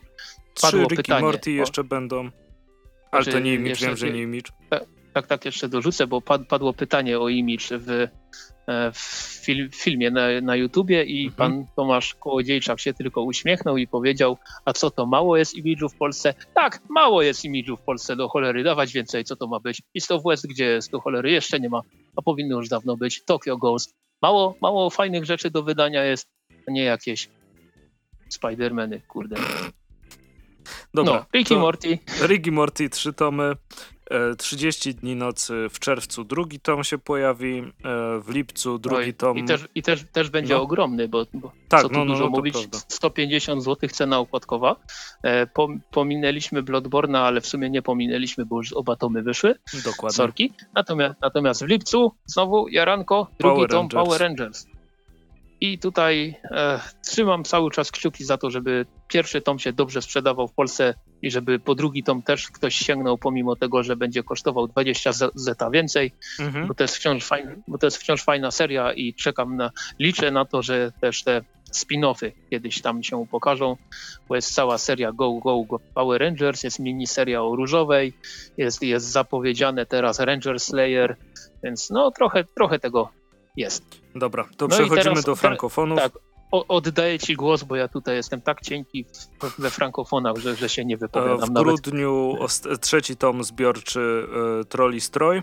E, w sierpniu drugi tom OKP Dolores. Muszę to przeczytać, jeszcze nie miałem, jeszcze nie miałem okazji e, tego ogarnąć. Nie ma tak dużo znowu frankofonów, bym powiedział. Jim Cutlass w grudniu, tom drugi się pojawi. To kolejna taka westernowa seria, e, ale westernowe serie się fajnie czyta. E, Sherlock Holmes Society e, w grudniu się kolejny, tom pojawi już piąty. Ładnie tego mhm. wyszło. E, czwórka z Baker Street dostanie jeszcze dwa tomy, sierpień, październik. Tak, to jest, to jest akurat seria, którą znam, lubię i kupuję i tutaj mogę powiedzieć, że polecam. Fajna, fajna mhm. sprawa. W dół do ziemi pojawi się w lipcu to też się zapowiada ciekawie. E, indyjska włóczęga jest nowością, ale nie wychodzi nic nowego. Książę Nocy. W lipcu pojawi się tom piąty. Du, du, du, du. I Lonesome jest w przygotowaniu tom trzeci, więc w przyszłym roku się pojawi kiedyś.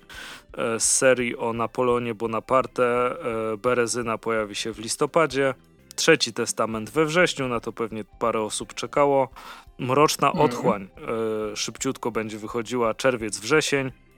E, bardzo ładne okładki. Zawsze jak ktoś rysuje meduzy, to, to du duży plus. Meduzy są bardzo ładnymi stworzeniami. E, mhm. Green Class, tom drugi pojawi się we wrześniu. Dostaniemy też dwa nowe komiksy z serii adaptacji Agaty Christie, czyli e, tutaj mamy e, Herkules Poirot Śmierć na Nilu i Herkules Poirot jejku Tajemnicza A. historia w Styles. Ciężko niektóre to rozczytać, nie? Tak, tak. Zdecydowanie. I dorwać Ramireza, tom drugi pojawi się w przyszłym roku, recenzja pierwszego pojawi się za dwa tygodnie u nas. Okej. Okay. I sobie to zapiszę, żebym nie zmienił zdania w trakcie. po, po, postaram cię ci przypomnieć. Dorwać Ramireza. E, tak, no i teraz jest nowa seria Papieże w historii. Jan Paweł II Maj, Leon I Wielki Maj, Święty Piotr, październik, Klemens V, ofiara templariuszy w październiku. E, no i oprócz tego, co, co, co tu mamy z fantazy komiksu, nic nie wychodzi, przechodzimy do polskich Komiksów autorów. Po... Komiksów polskich autorów, takich jak Jean Van Ham, Yves Saint, y, Xavier Dorison, Jan, Frederick Bignot, sami, sami Polacy. E, sami Torgal Polacy. tom 38 w dwóch okładkach e, pojawi się w listopadzie. Mhm. E, I co my tu jeszcze mamy? Tu, tu, tu, tu, tu. Wow. I koniec z Torgala. No tak, no rzeczywiście. Tak, ale z kolekcji komiksów Grzegorza Rosińskiego pojawi się Zemsta hrabiego Skarbka w czerwcu, e, Skarga utraconych ziem we wrześniu i Szninkiel w listopadzie. Szninkiel, który przecież jest na okładce tegoż katalogu, więc można było się tego spodziewać. No i co, fani Grzegorza Rosińskiego tutaj na pewno będą mieli w czym wybierać. A fani Zbigniewa e... Kasprzaka dostaną bogów z gwiazdozbioru Aquariusa. No tak, to jest chyba, chyba też bardzo wyczekiwany, mm. bardzo wyczekiwane wznowienie. Tutaj widzę cena okładkowa 100, 120 zł, więc tutaj będzie, będzie tom, którym będzie można zabić najprawdopodobniej. E, jeśli chodzi o serię Wounded, to drugi i długo już wyczekiwany przeze mnie tom pojawi się we wrześniu, przynajmniej według tego, co jest napisane w katalogu. I tak samo we wrześniu kolejny Bradl, tom już piąty. No i to już tradycyjnie, bo Bradl tak, rocznie. to jest taki, taki, można powiedzieć, taki annual wrześniowy. Chyba tylko pierwszy tom się nie ukazał we wrześniu tak? któregoś roku. No tak, tak, mi się tak mi się wydaje, ale oczywiście mogę się mylić. E, cena okładkowa niezmienna, czyli trzy dyszki. E, kolejna rzecz to jest Nim wstanie dzień. I to tutaj jestem zainteresowany tym projektem, bo to będzie debiutancki album rysownika znanego z ostatnio niejakiego kapitana, czyli Ernesto Gonzalesa. Mm, tutaj mamy scenariusz Marika, A on wyjdzie Grzegorz przed Janusz, kapitanem, że jest debiutanckim? Znaczy, y, chodzi chyba o komiks, mm -hmm, bo kapitan mm -hmm. Bzyk to raczej komiksem nie będzie. No dobra, e, rozumiem. Natomiast mamy tutaj tak, scenariusz Marika, Grzegorz Janusz, Rafał Skarżycki, Tomasz Pastuszka, czyli znane nazwiska, mam nadzieję. E, I rysunki właśnie Ernesto Gonzalesa. Okładka mi się podoba, króciutki opis mi się w sumie podoba i, i e, myślę, że zainteresuje się tym komiksem. Premiera już niedługo, bo w czerwcu. Mhm. No i co, mistrzowie komiksu nam zostali z tego, z tego katalogu. E, swoją drogą mu, muszę wy, wypomnieć Andrzejowi, że wczoraj mi powiedział, że w 15 minut się ogarniemy. Ile już jest Dobra, już, dobra. Nie... dobrze, dobrze, więc kolejny Corto Maltese w październiku. Mm, z tego, co, co tu widzę. E, również w październiku kolejny tom, mm, kolejny komiks Enkiego Bilala i to mhm. będzie Potwór. Rozumiem, że tak celowo przegapiłeś, że w przyszłym roku jeszcze jeden Leo się pojawi. E, nie, nie celowo. Antares po prostu jestem się pojawi. Taki, o faktycznie Antares. No, nie, nie celowo, pardon, miskuzi, przepraszam. E, co my tutaj mamy dalej? Alan Moore, nic, e, Will Eisner, nic. No i w sumie tyle, tyle z komiksików. Jeszcze się ukaże lada moment, ale to już wspominaliśmy, nowa, nowa gra karciana Skyko i Kokosza. I to myślę, myślę, że będzie wspomniane w podcaście, bo mam zamiar sobie ją sprawić. E, I co? I, I przechodzimy dalej, bo no. Tak, tak jest. No to lecimy dalej. Oprócz Egmontu oczywiście są inne wydawnictwa w Polsce i e, ku, ku mojemu zdziwieniu, zaskoczeniu i ogólnemu szokowi wydawnictwo Amber, które kiedyś wydawało komiksy i im nie poszło najlepiej, e, zapowiedziało... Ale później poszło osobom, które je miały i je sprzedawały. No, z pewnością tak. Pamiętam, że miałem parę komiksów z Ambera, tych gwiezdnowojennych. Oni chyba też Mroczną Wieżę, nie? A, a nie wiem, bo, bo ja tylko te gwiezdnowojenne rzeczy od nich miałem. No, no, no. E, natomiast e, pojawiła się zapowiedź, ale nie na stronie e, wydawnictwa Amber, tylko, tylko w sklepie Fantastyczne Światy, że, że wydawnictwo Amber zapowiedziało na czerwiec pierwszy tom Gears of War, czyli serii, o której już chyba kilkakrotnie wspominaliśmy, chociaż trochę w podcaście. Nawet ostatnio. Tak jest, że, że po prostu fajna komiksowa łupanina na podstawie całkiem fajnej growej łupaniny i, i w życiu bym się nie spodziewał, że ktoś po to sięgnie w Polsce, a tu proszę. Mm. I, I, żeby, żeby nie było wątpliwości, tak, komiks wydało wydawnictwo DC, ale nie, to nie jest już komiks wydawnictwa DC, ponieważ prawa do marki e, i nawet wznowili w takich dwóch fajnych, fajnych tomach e, ten komiks ma wydawnictwo IDW. Bardzo dziwne zdanie mi wyszło, ale mam nadzieję, że wszyscy rozumieją. Natomiast dru drugi zapowiedziany komiks to jest Niewidzialna Republika i to jest pozycja z wydawnictwa Image, która się ukazała tam jako Invisible Republic. E, w chwili obecnej są, są w chwili obecnej trzy tomy i co ciekawe, seria jest od dwóch lat zawieszona, e, bo scenarzysta i rysownik e, te, tejże serii, czyli Gabriel Hardman i Corina Beszko, pracują w DC nad Green Lantern Ziemia 1, który w Polsce nigdy się nie ukaże. No ale cóż, e, w każdym razie trzy tomy w chwili obecnej są, czwarty być może będzie w 2038 roku, jak dobrze pójdzie, mm, ale to jest cholernie fajny komiks, więc mimo wszystko zachęcam do tego, żeby zainteresować się, aczkolwiek też jednocześnie sugeruję, żeby się wstrzymać do momentu, aż te zapowiedzi będą trochę bardziej oficjalne, bo na razie jest takie takie dziwne to, że w jakimś sklepie te komiksy można zamawiać, a na, na stronie wydawnictwa nie ma, nie ma o nich ani słowa. Mhm. Zwłaszcza w kontekście tego, że mają się ukazać za miesiąc. Więc, więc troszkę dziwne, ale, ale trzymam kciuki, żeby to nie był jakiś spóźniony pierwszokwietniowy dowcip. No ale to nie jedyne nowe wydawnictwo, nie?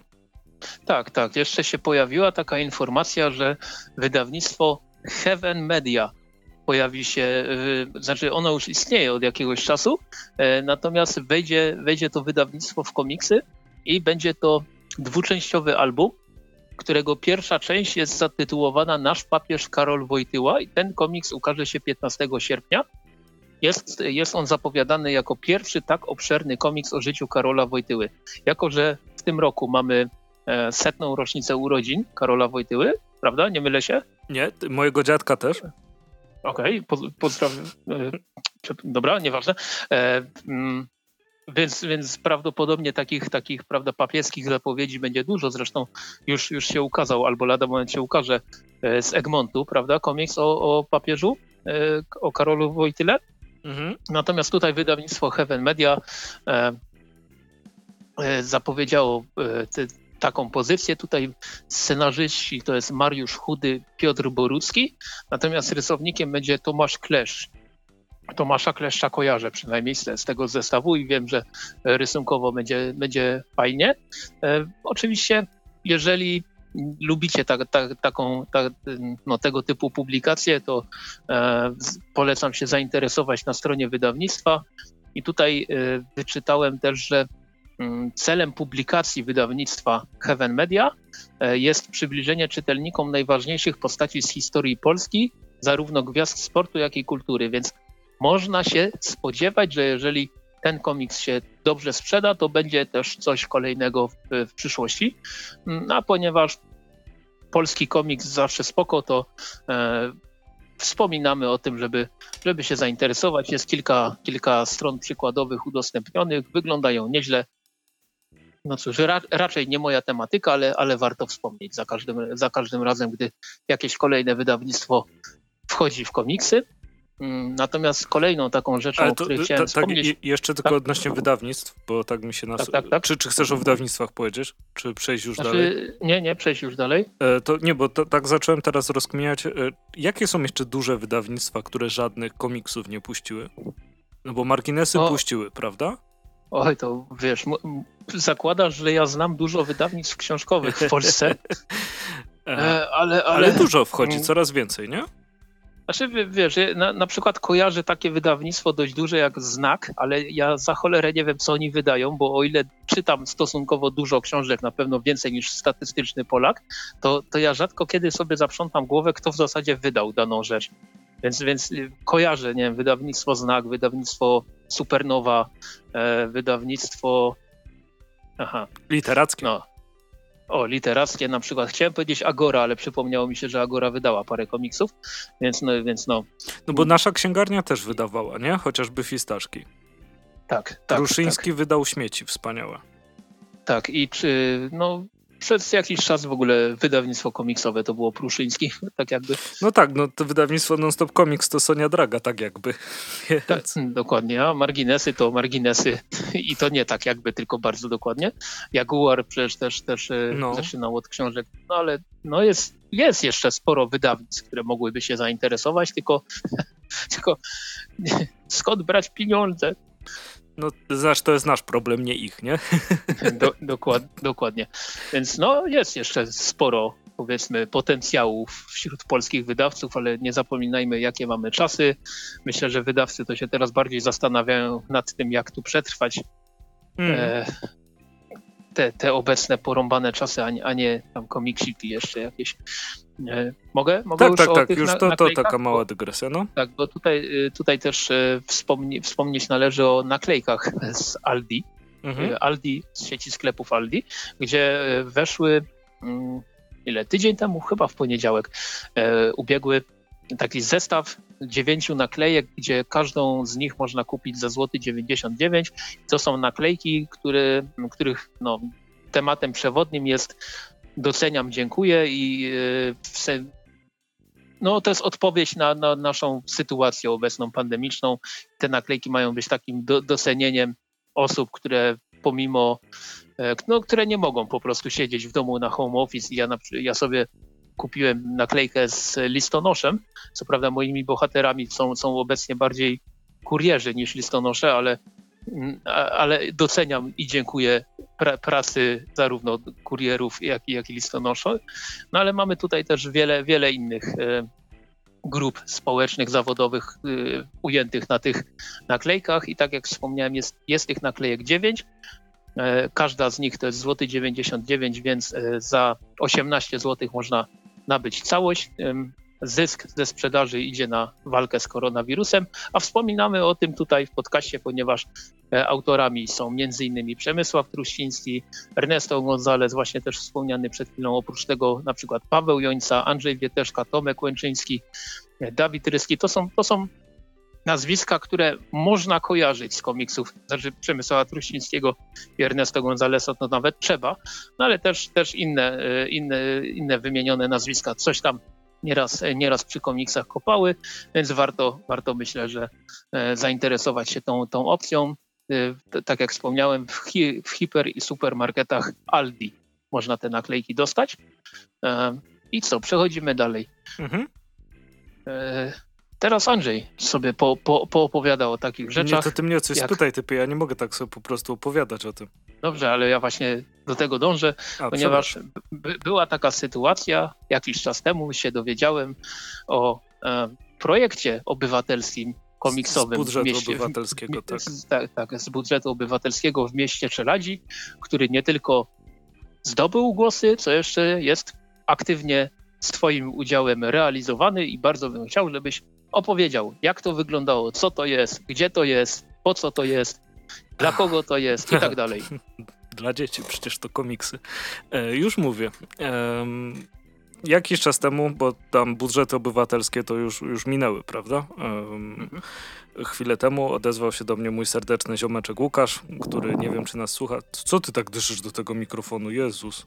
Przepraszam, ziewnąłem. Aha, okej. Okay. E, mój serdeczny ziomek Łukasz serdecznie, serdecznie pozdrawiam. Inicjator wszystkiego, jeśli mhm. chodzi o mm, wykorzystanie budżetu obywatelskiego na cele, na cele komiksowe. Myślę, że każdy wie, jak działa budżet obywatelski. To jest tak, że jest jakaś pula pieniędzy, które można przeznaczyć na pomysły, które składają obywatele i na to się głosuje. I e, bardzo sprytnie pomyślane. My, myślę, że w ogóle nagramy o tym albo, nie wiem, specjalny odcinek, albo film na YouTubie, e, bo wydaje mi się, że to powinno się w różnych częściach Polski, żeby w całej Polsce się zaczęło e, zrobić. tam przeszło parę projektów od nas, wiadomo, te, na które było najwięcej głosów, e, potrzebowały bardzo dużo pieniędzy. U nas chyba był jakiś, kurczę, chyba był plac zabaw i sprzęt dla OSP e, nowszy. I jeśli coś zostaje, to można to przeznaczyć na inne fundusze. No, nawet nie pamiętam, jaki był budżet w tym roku, właściwie w zeszłym roku, nie, w tym roku u nas, no ale to były jakieś milionowe sprawy, e, a nasze komiksy to było chyba 19 tysięcy złotych, więc tak naprawdę procenty, e, jeśli chodzi o, o całość budżetu, nie? A, więc to przeszło. Oczywiście tam osoby głosowały, to, to zawsze dziękuję każdemu, kto, kto, kto głosował na to. E, I dzięki temu dostaliśmy pieniądze, żeby mm, zakupić komiksy do biblioteki. Też e, Łukasz tutaj super to wymyślił i to też będzie w tym dłuższym materiale o tym, jak, jak zaopatrzyć bibliotekę w komiksy. Mm, dostaliśmy kurczę, ileś tam tysięcy złotych na początek, żeby zakupić podstawę, a później w partiach 500 złotych co miesiąc na dokupowanie nowości. Mhm. A możesz tak mniej więcej powiedzieć, na jaki okres to jest? Na, to jest na, rok, rok to jest na rok. E, to znaczy, to mhm. trzeba skończyć w listopadzie. Mhm. E, miało się zacząć od stycznia, ale no, świat się trochę e, wykrzaczył. Mm, więc dzieje się to no, w różny, w różny sposób. Tam e, częścią projektu miały być spotkania opowiadające o komiksach, które mam prowadzić, e, ale to też się wykrzaczyło, więc będą jakieś filmy w necie, które będę robił. Na razie był jeden, który Krzysiek ty udostępniałeś chyba, nie? Tak jest. Tak, jedno spotkanie na początek też było, e, ale to już były czasy, kiedy nie do końca ludzie byli pewni, czy powinni wychodzić z domu, więc też było bardzo e, mało osób. To było tak, że wróciliśmy z Rumi i na następny mhm. dzień, e, nie, tak, wróciliśmy z Rumi, a we wtorek było spotkanie. Tak. Więc to były czasy, kiedy już się, już się sypało. Mm. To były czasy, kiedy były trzy osoby zarażone w Polsce, a nie, a nie tak jak obecnie. Ale już tak, się zaczynało. Zwłaszcza no. w naszym województwie. No dobra, dobra, dobra, dobra. E, nie będziemy no. o tym tak rozmawiać. Tak e, I co? Jajco. I no, jestem pośrednio odpowiedzialny za dobór tytułów, które się znalazły w bibliotece. Mm, no i dużo to trzeba było też przy tym rozkminić rzeczy. E, po pierwsze, żeby nie sugerować się tylko własnym gustem i jednak wziąć coś Marka Millera, e, bo, bo ludzie lubią. Ale no oczywiście nie byłbym sobą. Jest zielona latarnia w bibliotece do wypożyczenia, zapraszam. Bardzo ładnie, bardzo ładnie. E, podzieliliśmy to tam z dziewczynami z biblioteki na trzy kategorie. Właściwie na mm, jest jeszcze taka półkategoria, nazwijmy to.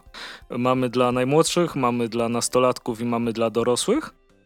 I jest taka seria tych jakby komiksów opartych, powiedzmy dokumentalnych, e, mhm. komiksów faktu. Jeśli jest literatura, to chyba komiks też może być. E, czyli większość rzeczy, które wydają e, marginesy. Czy na przykład Palestyna, czy Zakładnik, czy Pjongjang, mhm. One są oznaczone dorośli, ale są, mają też dodatkową naklejkę dla młodzieży, bo to no kurczę, no myślę, że nie muszę tego tłumaczyć, bo, bo, mhm. bo nie umiem. Tak. nie, no głównie chodzi o to, że no, to są rzeczy, które się dzieją, które warto znać i jeśli no ktoś chce to przeczytać, to, to jasne. Z wieloma komiksami miałem, miałem problem, gdzie je przydzielić. E, jedny, co, co było takim komiksem? E, uświadomiłem sobie też, jak dużo ja brutalnych komiksów czytałem w wieku, w którym nie powinienem ich czytać według wydawcy. E, ale to chyba nie jestem odosobniony e, w, tym, w tym jakoś specjalnie. Mm, no, nienawidzę baśniowa na przykład trafiło, nie? Nienawidzę baśniowa mhm. bardzo łatwo mogłoby wylądować nie na tej półce, której, na której powinno wylądować. A no, nawet nie wiem, na której wylądowało. Chyba na dorosłych. No, ja bym to nie dał dla dorosłych, jednak tam przekleństw takich klasycznych no, nie, nie ma. Nie no. ma, nie ma. Ale, ale... ale jest krwawo, no. E, no ci, ci, ciężka sprawa, nie? To znaczy oczywiście, wiesz, wszystko jest dla ludzi, nie? Mm, tak, tak. Zależy, zależy kto, będzie, kto będzie po to sięgał. E, teraz już tych komiksów jest więcej niż było, jak mówiłem, w filmie. W filmie mieliśmy chyba 322 322 egzemplarze. Teraz jest jeszcze tego trochę więcej. Przyszło, e, przyszło bardzo dużo nowych rzeczy. E, musiałem się też dokształcić z wielu. Na przykład z mangi. Bo to są rzeczy, o które ludzie pytają. Ja nie miałem jakoś dużego pojęcia. Poradziłem się ziomeczków, którzy, którzy o tym coś, coś wiedzą. Mm. I na przykład udało się, y, no w ogóle nie wiedziałem, że dużo tych serii da się jeszcze kupić w kompletach. I dzięki temu na przykład Full Metal Alchemist mamy w bibliotece w komplecie. Mhm. A. To, to, a, to, a, a, to dużo tomów, bo w sumie nie wiem. E, to znaczy nie jakoś Dragon Ballowo, ale nie mało, nie? Mhm. E, mhm. taka półeczka, o. Tak, e, tak, tak, tak bym powiedział. I e, myślę, że to jest super akcja, żeby właśnie na następny rok, e, jak będzie możliwość napisania projektów na budżety obywatelskie, żeby każdy w swoim mieście spróbował napisać. Najgorsze, co się może stać, to się nie uda. Aha, tak mhm. naprawdę. I, ale y, patrząc z perspektywy biblioteki, zacząć wprowadzać komiksy do zbioru, no to to jest paranoja. E, w sensie jeśli chodzi o ceny komiksów, to w cenie jednego komiksu masz, nie wiem, dwie, trzy książki może nawet. W zależności jakie książki oczywiście. I jaki komiks. jaki komiks. Tak, no. To, to, to, prawda, ale wiesz, z drugiej strony, co będziesz miał jeden komiks, to też tak. No przypał. No, no e, trochę słabo. Bo jak, no to, to jak z książkami, nie? Przecież e, mhm. masz i horror, i przygodowy, i historyczny, i surutututu, wszystko tak naprawdę. E, więc trzeba by mieć tego trochę więcej, a to dla bibliotek, które są finansowane, no, tak jak są, tak jak są finansowane, e, no to, to to jest problem, zwłaszcza w takiej, wiesz, Czeladzi mamy 34 tysiące mieszkańców, e, czy tam mhm. mniej teraz oczywiście, ale no to nie jest Biblioteka Śląska, która i tak dostanie, nie? Bo, bo, mhm. bo jest obowiązek. Ja mam ten fart, że do Biblioteki Śląskiej to wsiądę do auta i jak nie ma korków, to będę w 10 minut. No. Mhm. Do 15 powiedzmy. E, więc więc ja mam fart, nie? E, jakbym chciał jakieś, wiesz, komiks poczytać, to prawdopodobnie będzie w Bibliotece Śląskiej ten komiks.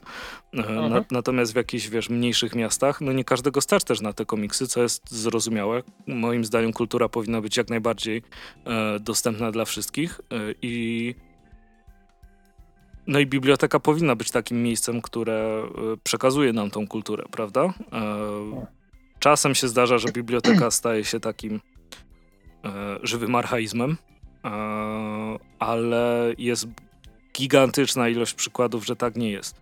E, czy to są właśnie oddolne inicjatywy jak filia komiksów w Dąbrowie Górniczej, nie? Mhm. To, to była ekstra sprawa, czy w ogóle Dalej jest. tak, oczywiście. To była ekstra sprawa, jak powstało, a dalej jest. Tak. Mhm. Strefa otwarta w Bibliotece Śląskiej, chociaż to też gigantyczna biblioteka, więc tak, tak. Ciężko mi powiedzieć o małych bibliotekach, no bo znam swoją bibliotekę tak naprawdę. E, nie jestem jakimś, ja na... wiesz, koneserem małych ja bibliotek. Ja, ja, na przykład się dowiedziałem y, ostatnio, że w Tarnowskich Górach, w jednej z bibliotek, ni niestety ja tam się na Tarnowskich Górach nie, nie znam prawie wcale, ale no, siostra tam mieszka i mi powiedziała, że, że w jej bibliotece, z której ona korzysta, są trzy regały komiksów takie mniej więcej jakie ja mam w domu, tak, tak powiedziała, czyli, czyli klasyczny Billy z Ikei. No to mówię, kurczę, trzy regały komiksów w jednej bibliotece to jest więcej jak w całym Zabrzu znajdziesz wszędzie. więc, więc e, trochę jest tego coraz więcej, tak, ale, tak. ale no, wciąż, wciąż, malutko. Zobacz, jak biblioteka w Rumi wygląda. To jest przecież e, du, du, dużo pozytywnie niecenzuralnych słów mógłbym tu powiedzieć, a, ale to jest cudowne miejsce. E, tak, tak. I, I, to jest takie, gdzie wiesz, gdzie, gdzie chcesz przyjść i, i się odchamić tak naprawdę. E, więc wspieranie bibliotek w ten sposób, e, zwłaszcza, że nie inwestujecie w to nic więcej poza jakby swój czas, którego wymaga napisanie projektu. No to jest, to jest naprawdę ekstra opcja, a taki e, zastrzyk przeznaczony tylko na to e, jest jest super i wtedy macie co wybierać. No, mm, jak będę coś wiedział o tym, ile rzeczy się wypożyczało, mm, to o, oczywiście zdam relację. E, no ale mhm. zainteresowanie już, już z tego, co się od dziewczyn dowiedziałem z biblioteki, było dość, dość spore. Ludzie dzwonili, pytali, kiedy będzie otwarte, co jest i tak dalej. Mm, dobór tytułów jest na pewno mega skomplikowany. To nie wiem, czy może przygotowalibyśmy taką listę propozycji E, co, mhm. co mogłoby być właśnie dla mm, e, każdej grupy wiekowej, powiedzmy. No bo tak jak tutaj dobieraliśmy, e, to kurczę było naprawdę to dużym wyzwaniem. Wiadomo, mhm. trafiły wspaniałe klasyki różnego rodzaju, ale stawialiśmy zawsze tutaj na różnorodność w bibliotece. E, więc mamy jakże wspaniałe komiksy. Zresztą sobie wypożyczyłem Misia z Bysia. E, I jest tego ogrom. I, I dla dzieci właśnie, czy, czy Miś z Byś, czy w Koronie, e, czy jakże cudowna ryjówka. Mhm. Jedno wydawnictwo prawie wymieniłem. No ale tak, tak czy siak jest tego bardzo, bardzo dużo. I no i jeszcze mamy pieniądze, żeby kupić tych komiksów sporo. Yy, Więc da się kupić opcja. całego Dragon Balla. o kurde. E, nie w wiem, ile bibliotek 40, takich lokalnych te 42 tomy, tak? Tak, to, ja wiesz, że w ogóle one chyba 5 czy 6 stów kosztują, takie nówki? No to niedużo. No prawda? Ale, ale przecież to od swego czasu kosztowało, nie? 13 zł, z tego co pamiętam. No tak, tak, tak, ale wiesz, ale chodzi o to, że to jest hmm. nadal dostępne. Bardziej się tego obawiałem. Aha, w takim sensie. Cały rozumiem. Naruto kosztuje e... kafla. Ale to jest ile? 70? No coś takiego, więcej? człowieku, kurde, kosmos. Natomiast ja mam takie dwa pytanka jeszcze Dawaj, co do ciebie, śmiało. E, co do tego tematu. E, tak, bo to jest, e, nie powiedzieliśmy, to e, ten, ten zbiór komiksowy jest w kopalni kultury, tak? Nie. E, kopalnia nie? kultury jest filią biblioteki, e, dlatego Aha. tam był filmik umieszczony. Natomiast Kopalnia Kultury nie ma wypożyczalni jako takiej. E, w głównej bibliotece w Czeladzi, w Miejskiej Bibliotece Publicznej imienia Marii Nogajowej, e, mhm. którą... W, wiesz, gdzie ona jest w Czeladzi? Tak? tak? tak, dokładnie wiesz, gdzie ona jest w takim razie. Tak, mam ją obok domu. Tam, mam, tam są dwie filie. Jest tak zwana filia dziecięca i dla dorosłych, więc żeby nie rozbijać jakby zbioru no, że tutaj są komiksy tylko dla dorosłych, a tutaj są komiksy dla dzieci, to wszystkie komiksy są w filii dziecięcej. Mhm. Tak zwane. Okay. Ja tam dopiszę najwyżej markerem, że filia dziecięca i komiksowa, e, ale mhm. no, to jesteśmy w trakcie ogarniania tego. Dobra, to to jest taka, taka jedna rzecz, którą chciałem ustalić, a y, druga rzecz jest taka, y, bo Zdarzyło mi się, że w bibliotece powiedzmy stałem z jakimiś komiksikami, to jeszcze dawno temu w Zabrzu, do wypożyczenia i wiesz, tak jakoś dziwnie się na mnie pa patrzono. Ja, jak rozumiem, panie z biblioteki, w której ten zbiór jest, mm, powiedzmy ogarniają temat, czy, czy, czy też się dopiero uczą tego komiksu? Um... Z, z, znaczy wiesz, nie, ogarnianie tematu w poziomie takim jak... Jeszcze raz? Jakie jest ich podejście? A nie, po, podejście jest otwarte. Wiedza, wiedza jest oczywiście, wiesz, cała do nadrobienia, to to nie jest, wiesz, wiedza, którą powiedzmy my posiadamy, nie? Mhm. E, bo, bo to jest jakby, wiesz, całkowicie, całkowicie nowy świat e, dla, dla wielu osób, ale u, u, u nikogo nie zauważyłem, wiesz, zamknięcia na to, co, mhm. co, co, co, miałoby tam być, tylko zainteresowanie. E, czy to właśnie od dziewczyn, które pracują bezpośrednio, czy od pań, które zajmują się opracowaniem. I, i przy okazji opracowanie komiksów to też jest e, wcale nie tak hop jak na przykład Jaguar nie pisze numeracji tomów na swoich. I jak mhm. masz e, strzeżcie się giganty, strzeżcie się olbrzymy, strzeżcie się smoki, mhm. to trzeba rozkminić, który tom jest pierwszy. I tak naprawdę najprostszym sposobem jest to, żeby zobaczyć, czy z tyłu jest napisane, co już wyszło. E, I na podstawie tego robisz. Więc e, to jest coś, nad czym Jaguar mógłby popracować, Zde zdecydowanie. E, ale nie, było, było, było zaciekawienie, że chętnie wypożyczą, że chętnie zobaczą. E, wiesz, no jak ci naraz przychodzi do biblioteki 300 komiksów, nie ogarniesz. No nie, nie. Z, zwłaszcza, że wiesz, oczywiście przyjdzie coś yy, pokroju Phoebe i Jednorożec, nie umniejszam oczywiście komiksowi, który wiesz, jest łatwiej przeczytać, niż to, że obok jest umowa z Bogiem. No, ale, ale jest. Tak? tak, jest umowa z Bogiem, jest lżejsza od swojego cienia, jest sporo dobrych komiksów tam. E, ja się chyba zapiszę. e, więc jest, jest, jest naprawdę e, fajnie. No plus jeszcze trochę rzeczy trzeba będzie dobrać. E, nie ukrywam, plan też był taki, że jak przyjdą podstawowe komiksy i wystawimy na półki, to zobaczymy, gdzie jest mniej. I z tej mhm. kategorii trzeba będzie domówić. I na początku byłem przerażony, jak, jak komiksy przyszły. Ja tam pomagałem jakby w dzieleniu, czy, czy to jest dla dorosłych, czy właśnie dla młodzieży, czy dla dzieci. Bo tak było zdecydowanie szybciej. I jak zacząłem odkładać wszystko na kubkę dla dorosłych, to sobie myślałem, Jezus Maria. Wszystko wziąłem w jednej kategorii. Dlatego, że wiesz, stoją na stole, no i jest tam Tymek i Mistrz. No to mówię, no to to można dla dzieci później. Skalp. Myślę sobie, fuck, dobra. Później wiesz, e, Old Man Logan, ten taki, ten Marka Millara, ten co go lubiłem. Kojarzysz e, z, tak, zresztą, tak, tak. nie? No, dobra. Później lżejsza od swojego cienia. Kurde, to już się zaczyna robić niebezpieczne. Ale okazało się, że jest, no, no nie, nie powiedziałbym, że porówno, ale e, prawie porówno. Mhm. Najwięcej dla nastolatków pytanie. jest. Chyba. Jeszcze jedno pytanie, bo teraz mnie tak naszło. E, czy może, możesz powiedzieć na przykład e, skąd były kupowane te komiksy? Od bezpośrednio od wydawców, czy e, po prostu nie? Nie, ja się zajmowałem zamówieniami, ale mogę ci powiedzieć mm, jedynie to, że biblioteki mają swoje kanały dystrybucji.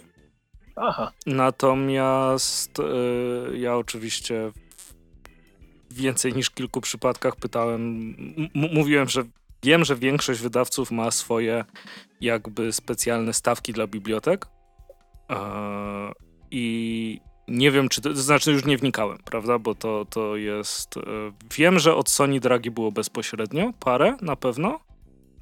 E, I co jeszcze? Znaczy, wiesz, nie, nie, nie będę wchodził. Tym się zajmowało hmm. zamówienie, nie ja.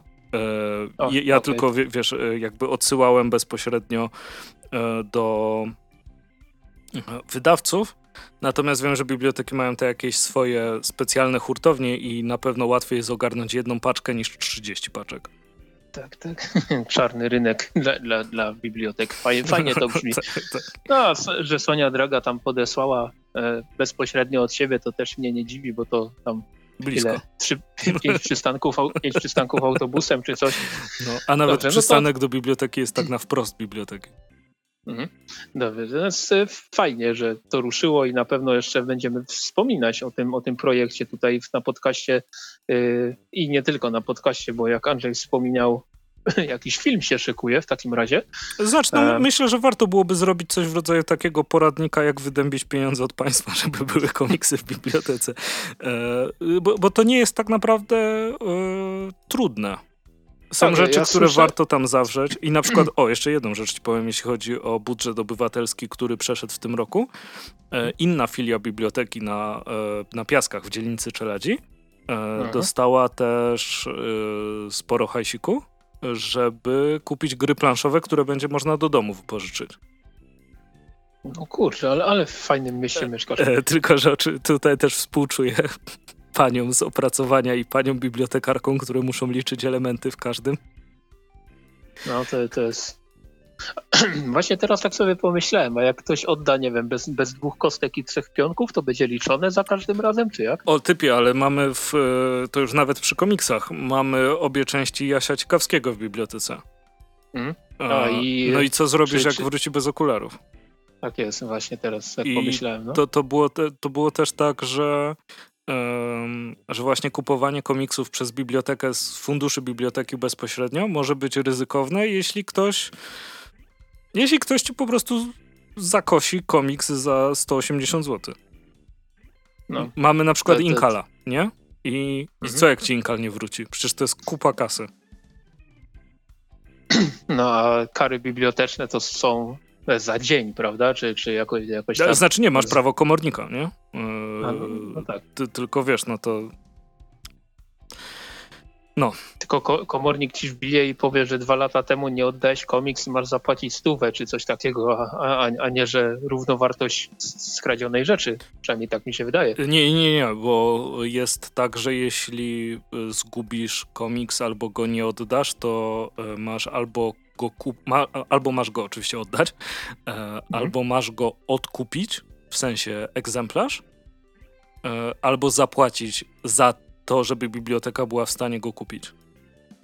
Aha, kara jest, i, wiesz, kara jest za przetrzymywanie tak naprawdę. Za, za, za bycie frajerem jest, e, no. Hmm, są inne paragrafy. Tak, tylko rozumiem. że oczywiście egzekwowanie tego to jest... To jest inna sprawa. No, niestety. Dobra, no więc co, do, do tego tematu jeszcze będziemy wracać na pewno. E, przechodzimy dalej. E, szybki taki newsik z małego ekranu, ponieważ, ale, ale także komiksowy, ponieważ pojawiła się informacja, że e, Łasuch, Sweet Tooth e, z DC zostanie mm, zekranizowany przez Netflixa. I taka, taka tro, troszeczkę beka z mojej strony, Robert Downey Jr., czyli Iron Man, prawda? Mhm. Zajmie, zajmie się produkcją e, te, tego, tego serialu dla Netflixa i trochę się śmieję, że fani Marvela muszą się, muszą, muszą się czuć zdradzeni w chwili obecnej. E, niemniej, e, z tego co wiadomo w chwili obecnej, serial najprawdopodobniej pojawi się w 2021 roku. Jest nakręcony pilot, który się mm, najwyraźniej spodobał na tyle, by, by zamówiono cały sezon. Sezon ma liczyć 8, 8 epizodów tylko, co mnie mega cieszy, bo Netflix nie umie w dłuższe, w dłuższe seriale. Dłuższe seriale 13-odcinkowe nie umią, 10-odcinkowych nie umią, to może, może się uda z 8 odcinkami. Mhm. E, mam, mamy mm, podaną, podane cztery nazwisk, pie, przepraszam, pięć nazwisk e, z obsady. Nie znam na dobrą sprawę żadnego, e, ale główną rolę, czyli Gasa, zagra chłopaczek, który w chwili obecnej ma 11 lat i tam kilka ról na koncie, więc, więc wiekowo się będzie zgadzało. E, opis Netflixa, jaki został udostępniony, e, sugeruje, nie, nie wiem, czy po prostu pisał ten opis ktoś, kto, kto nie do końca ogarnął temat, bo tam było takie, że to jest taka baśniowo-rodzinna historia. E, owszem, nie wszystkie baśnie muszą być od razu, prawda, cukier, cukierkowo piękne, no jednak, ma, jednak mamy tutaj do czynienia, prawda, z komiksem, można powiedzieć, dość mocno postapokaliptycznym. Więc no ale, ale bardzo fajnym komiksem. Y, I, i ja, jaram się, nie ukrywam, y, na wieść o tym, y, o, o tej adaptacji, natomiast Jeff Lemire też zdradził, że pracuje nad kontynuacją komiksu, który ma roboczy tytuł Sweet Tooth The Return. Też powinien się pokazać w DC Black Label w przyszłym roku. Prawdopodobnie premiera serialu i komiksu będzie ze sobą powiązana. E, I, i co? I Aranko, bo, bo Sweet Tooth był naprawdę fajnym komiksem to po prawda. polsku. Łasuch, Łasuch od wydawnictwa Egmont. Spoglądam na półkę, żeby nie spalić. Trzy tomy e, i to jest zamknięta całość. Więc, więc trzymam kciuki za serial. E, polecam, polecam komiks jak najbardziej i myślę, że z pewnością będę się przyglądał temu co ten Netflix tym razem, tym razem zrobi. Czy to będzie bardziej w kierunku tych początkowych sezonów Daredevila? Chodzi mi o poziom serialu, czy raczej dostaniemy takie lock and key, mhm. które trochę, tr trochę nie dowiozło, ale, ale trzymam mocno kciuki. No i co, Prze przejdźmy do komiksików. O, w końcu. Przejdźmy do, kom przejdźmy do komiksików. E, ja mam dwa, Andrzej ma dwa, dwa, czy ma więcej? Dwa, dwa, dwa. Dobrze, Dobrze no to Andrzej zacznie. E, to nie wiem, czy zacząć od tego, który mi się bardziej, czy mniej podobał to obojętnie. To za, zacznę od tego, co mi paradoksalnie się mniej podobał. Mhm. E, I to są przygody Wielkiego Wezyra i Znoguda. Tabary Gosini. E, nie mówię, że mi się nie podobał, tylko mniej. Mm, jest to kolejny tom, on zbiera tam parę historii, znaczy paręnaście e, historii właśnie z e, Iznogudem. mamy prawie, że 180, nie no, mamy ponad 180, no 180 stron komiksów. Mhm. E, bardzo fajnie zilustrowanych, e, tradycyjnie bardzo fajnie napisanych. Natomiast e, jeśli chodzi o rzecz, która nie, nie, wiem, czy jest kwestią fontu, ale jest w paru momentach było tak, że mi się to źle czytało. E, w sensie miałem wrażenie, jakby się tekst rozmywał. Może mi się wzrok psuje, to też jest jakaś opcja oczywiście. Mm, ale coś mi się z fontami nie podoba w tym komiksie. E, mhm. Nie umiem dokładnie powiedzieć co, po prostu coś mi się w nich e, nie podoba. Mm, jeśli słucha nas jakiś specjalista od fontów, to, to prosiłbym o opinię, czy ja wymyślam, e, czy nie. Natomiast sam komiks, e, jak to u Gosiniego, dużo, dużo humoru opartego na dialogach. Bardzo fajnie zilustrowany, natomiast mam wrażenie, że w porównaniu na przykład do jego Lucky Luka, e, czy oczywiście do, do Asterixa, mm, czy książkowo Mikołajka, to ten komiks się trochę postarzał. E, w sensie, jak czytałem go w tych takich malutkich tomach, znaczy w tych zwykłych frankofońskich e, albumikach, jak wychodziły, nie? Mhm. To jakoś lepiej się bawiłem niż, niż teraz. Dalej jest ok, ale czasem jest tak, że muszę sobie zrobić przerwę od czytania tutaj. A to ja miałem podobnie przy pierwszym tomie. Mm. Nie wiem właściwie tak sobie, od czego to zależy. Tak, tak, so, tak, sobie można powiedzieć nawet, że były ile? Trzy tomy w jednym tomie? Cztery tomy w jednym no jakoś tomie? tak, no, no, no. E, no to ja tak sobie, wiesz, e, jeden taki tomik, zakładeczka i, i przykładowo kolejnego dnia dopiero jechałem dalej, a, a nie, nie wciągnąłem tego komiksu na raz. Mówię o pierwszym tomie. No i o ile wiesz, na przykład z Asterixem chyba bym nie miał pomysłu, żeby. Bo, ho, ho, nie miał problemu, żeby go tak wciągnąć, ale Asterix jest, e, wydaje mi się, bardziej zamkniętą formą. Przez tą taką powtarzalność, że, że jesteś w wiosce, coś się dzieje, jest przygoda, wracasz, uczta. E, mhm. I koniec. Natomiast e, i z Nogut, i, i w Lucky Luke'u też masz jakby przygodę, koniec, prawda? Mm, czy tak, w na końcu, akurat na, na końcu odje, odjeżdża tak, ku tak, słońcu zawsze. To dokładnie, dokładnie. E, natomiast wiesz, Isnogud ma, ma ten swój running joke, chce zostać kalifem w, w miejsce kalifa. E, ma naprawdę fajne pomysły, e, ale mam też wrażenie, że w wielu momentach jest nierówny ten komiks. Są historie, które są naprawdę super śmieszne, a są takie, które czytasz, żeby, żeby je przeczytać. Hmm. Ogólnie polecam, bo to też jest, te, te, też jest jakby klasyk komiksu, e, ale Iznoguda wydaje mi się, że warto sprawdzić z biblioteki. To nie jest taki mhm. komiks Gossiniego o dziwo, e, który jest tak naprawdę jednym z moich ulubionych scenarzystów. E, to nie jest tak naprawdę komiks Gossiniego, którego bym tak w ciemno polecił, że, że, że brać i, i nie patrzeć się.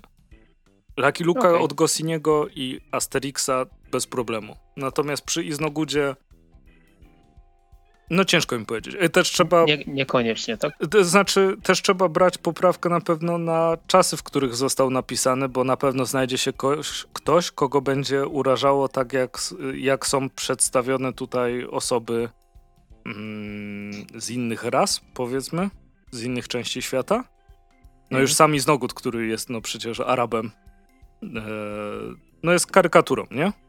Mhm.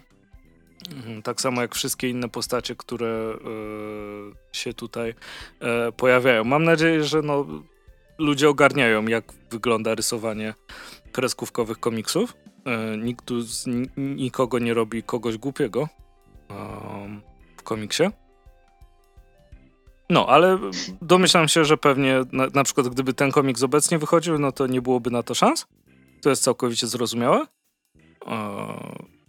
ale y, no jest nie jest ten humor aż taki, jak, jak Goscinny nas przyzwyczaił. Moim zdaniem. Okej, okay, rozumiem. To jest, to jest z tym, z tym, to co powiedziałeś, że coś kiedyś się ukazywało i było super, a obecnie by raczej nie przeszło. E, kojarzysz pewnie serial Świat według Bandich? Mm, tak. No, I wiesz, tam główny bohater praktycznie w każdym odcinku y, opowiada żarty o grubych kobietach. Tak, z, z, znaczy wiesz, no to, to, to się zmienia. A przepraszam, dokończę i, i powiem. To by dzisiaj nie przeszło po prostu. E, no pewnie by nie przeszło, ale wiesz, też dużo rzeczy hmm. innych by nie przeszło, jak jest ten e, serial, na podstawie którego są miodowe lata, e, Honeymooners, nie? Mhm, e, mhm. który opiera się głównie na dowcipie e, o tym, że jak jego żona nie będzie się słuchać, to jej przyłoży. No to nawet nie wiedziałem. No, ogólnie wiesz, no lata 50. w Stanach dziwne, dziwne, dziwne czasy. E, mhm. Ostatnio słuchałem bardzo e, ciekawego wywiadu, już ci powiem e, z kim, tylko się upewnię, żeby nie trzeba było pisać eraty, jeśli pozwolisz.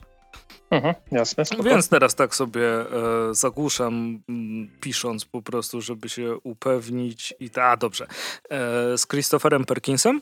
Mm, on mhm. jest twórcą różnego rodzaju przygód do Dungeons and Dragons i tam właśnie opowiadał, że Wizard of the Coast, e, czyli wydawca obecnie Dungeons mhm. and Dragons, czyli Hasbro, tak naprawdę, mm, też się bardzo wewnętrznie zmieniło, że są rzeczy, które przechodziły kiedyś, ale jeśli e, teraz by ktoś zgłosił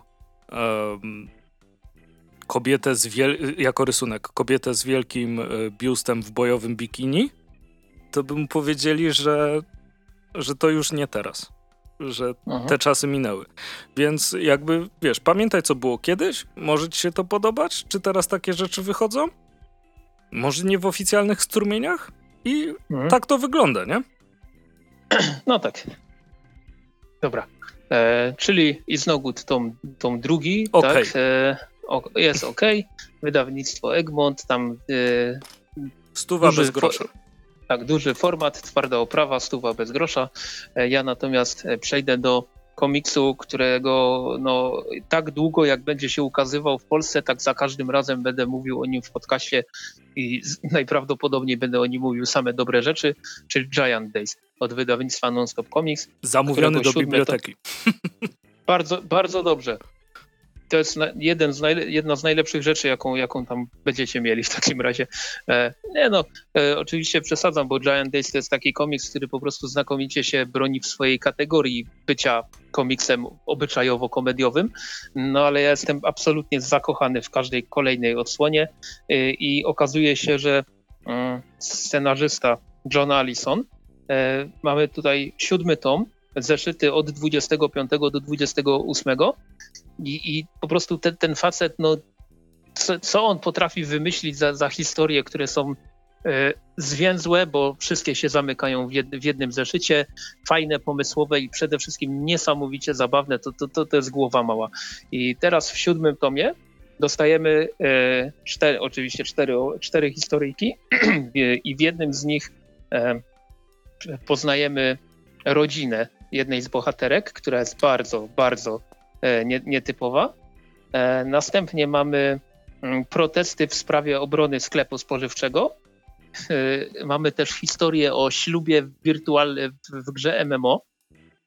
I, I, po prostu, wiesz, to są takie, takie tematy codzienne, można powiedzieć. No to tutaj nikt nie wymyśla jakiejś, nie, nie wiem, zbrodni, śledztwa, nie wiem, inwazji obcych, zombie czy cokolwiek. Mamy po prostu his, historię o trzech dziewczynach, które studiują i próbują sobie poradzić z trudami życia. Oczywiście wszystko w takim trochę e, krzywym zwierciadle, ale, ale ten, ten komiks jest tak niesamowicie zabawny, fajnie napisany, te postacie są tak dobrze prowadzone i, i całość też jest bardzo fajnie narysowana, bo Max Sarin, która zresztą miała być na krakowskim festiwalu komiksu, niestety e, oczywiście odwołanym, no, no, z każdym kolejnym tomem ry, rysuje coraz fajniej. Ja tutaj chyba mówiłem przy którymś z poprzednich, e, przy którejś z poprzednich odsłon, że mm, okładka, e, znaczy pierwsza, pierwsza rysowniczka, e, która była chyba tylko przy pierwszym tomie i fragmencie drugiego, czyli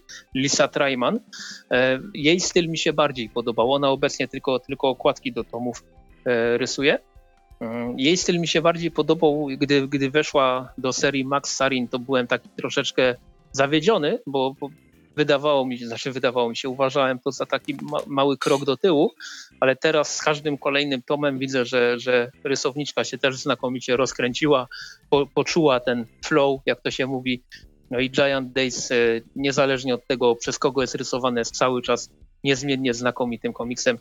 Ja trzymam kciuki za to, żeby, żeby jak najwięcej osób miało podobną opinię, opinię co ja, bo przy siódmym tomie to ciężko zachęcać nieprzekonaną osobę, żeby a weź, kurczę, kup 7 tomów. Ja wiem, że teraz jest promocja e, minus 45% i, i te komiksy z Giant Days idzie chyba dostać za coś około 25 zł, czyli naprawdę mega tanio, ale razy 7 to już, to już jest jakaś kwota, prawda? No prawie dwie Dlatego... stówki, ale wciąż jakby nie patrzeć, za tyle komiksu to jest fajna tak, cena. Tak.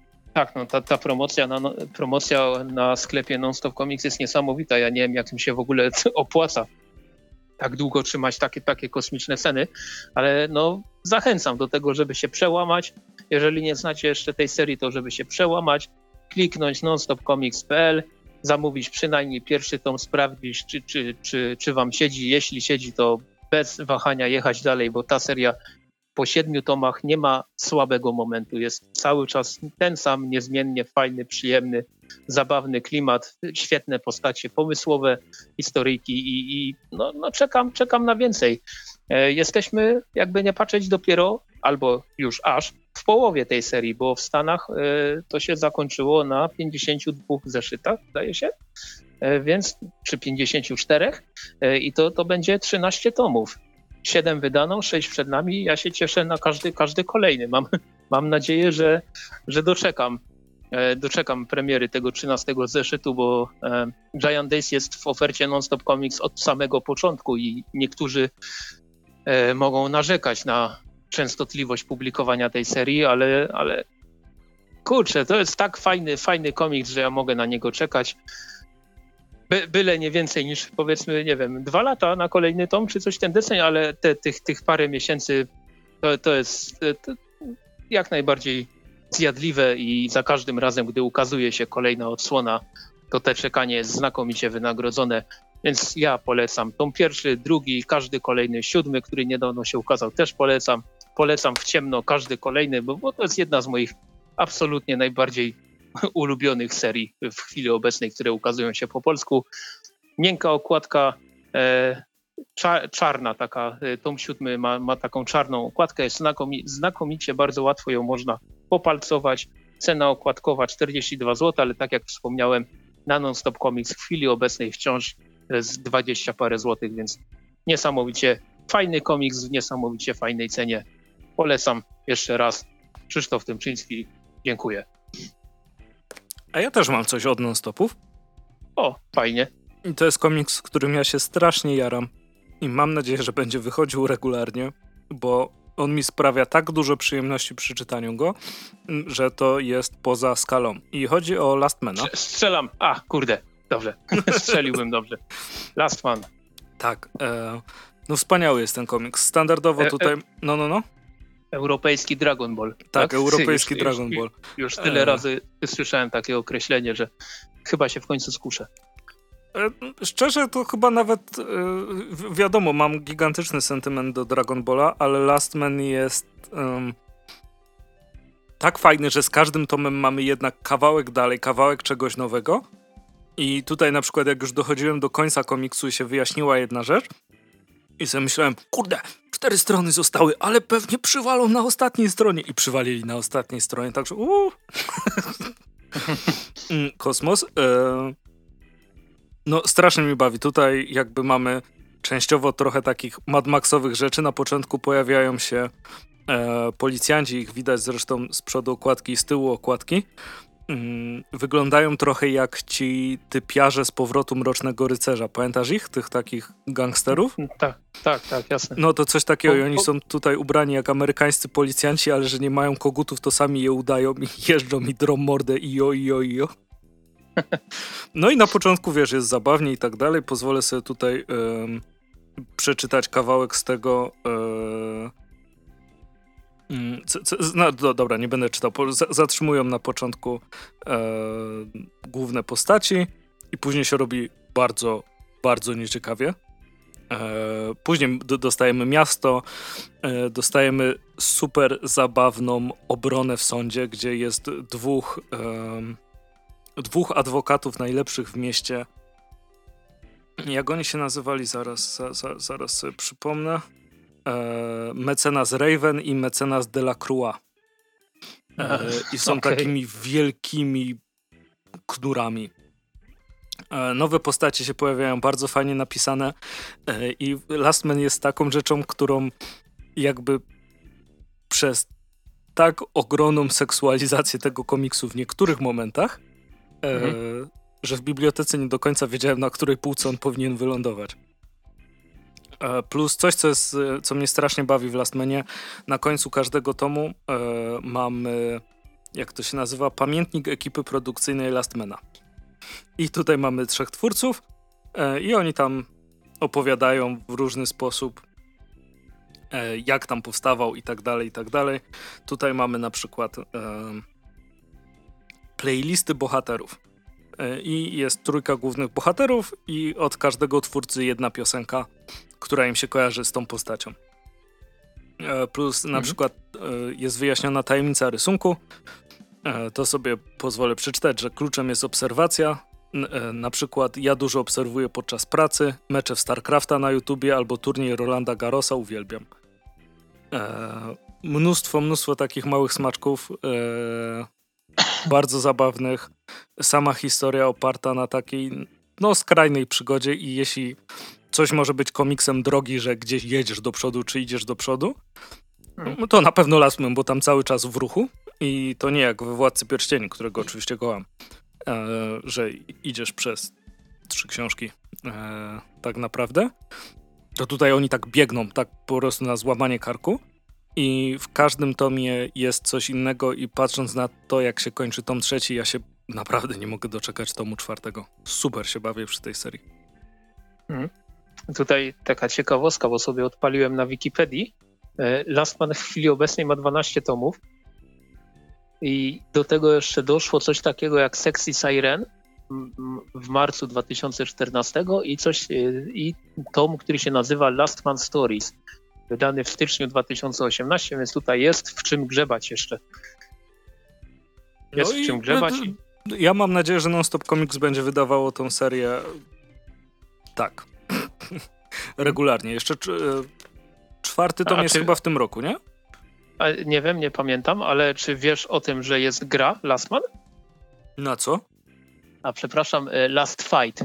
Last Fight się nazywa i ona jest na Nintendo Switch, wydana w listopadzie ubiegłego roku. Typie, jakbym miał teraz naładowanego Switcha, to bym No już... właśnie, no to, to, to ładuj. Last, o mordo, last... rzeczywiście, a to na wszystko jest, widzę. Tak, Last Fight. Znaczy, na ja, Windowsa ja czytam... też jest czy, czytam z Wikipedii, więc tego. E, I widzę też e, serial animowany na przykład. E, serial animowany, który powstał dla francuskiego Netflixa.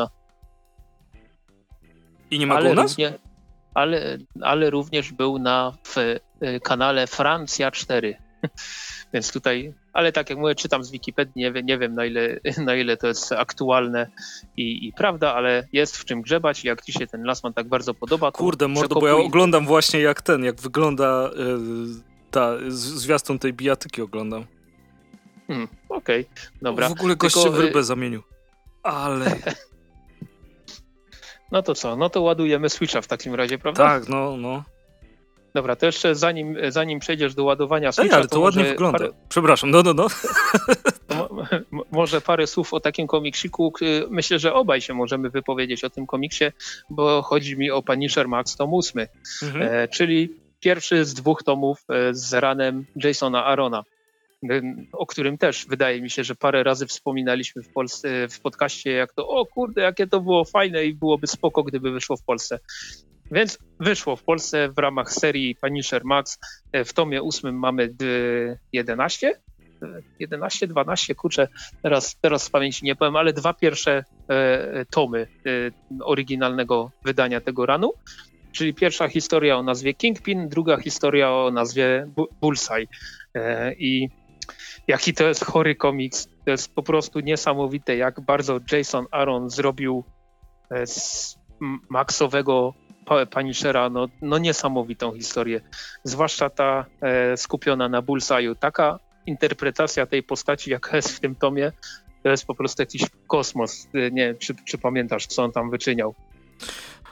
No, specyficzne rzeczy, tak bym to określił. Oj, ba, ba, bardzo specyficzne rzeczy. T tak porąbanego Bullseye'a jeszcze, jeszcze po prostu w komiksie nie widziałem, a Kingpin też był bardzo fajnie, fajnie poprowadzony, bo e, ten, ten pierwszy run, pierwsza historia, w której on został wprowadzony, no tutaj nie będę może dużo spoilerował, ale, ale to zaczął jako taki powiedzmy czyjś przydupas, a, pod, na, a koniec końców został Kingpinem, no tak jak na, jego pseudonim nazwa wskazuje. Mhm. E, I, I ten i to starcie z e, Punisherem, które było pod koniec tej historii, no i to, co się tam zadziało, no kurczę, to jest naprawdę, to jest chory komiks.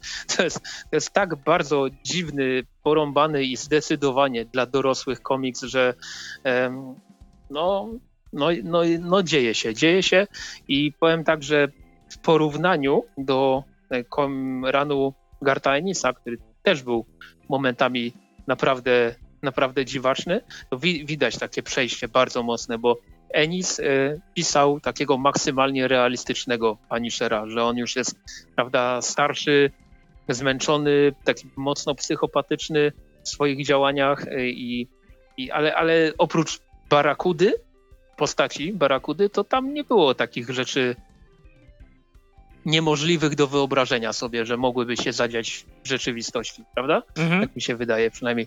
Natomiast wchodzi Aaron, skopa, skopa wysadza drzwi i, i po prostu daje, nie wiem, w pierwszym zeszycie to chyba jest y, motyw z oczami jednego y, z gangsterów. Tutaj no, też no, no, może, no. Nie, może nie będę mówił co, co tam dokładnie się działo, ale już w tym momencie, po tych 15 stronach wiesz, że o, o kurde, tu się będzie, tu się będą działy dziwne rzeczy i później przez kolejnych kilka, kilkanaście zeszytów dostajemy coraz bardziej porąbane historie. Ja, ja jestem, byłem zachwycony tym komiksem lata, lata temu, gdy się ukazywał w oryginale i teraz po tych wszystkich latach też, też jestem bardzo zadowolony z tej lektury. To jest ten Jason Aaron, którego naprawdę chce, chce się czytać, bo wiele jego komiksów późniejszych dla, dla Marvela.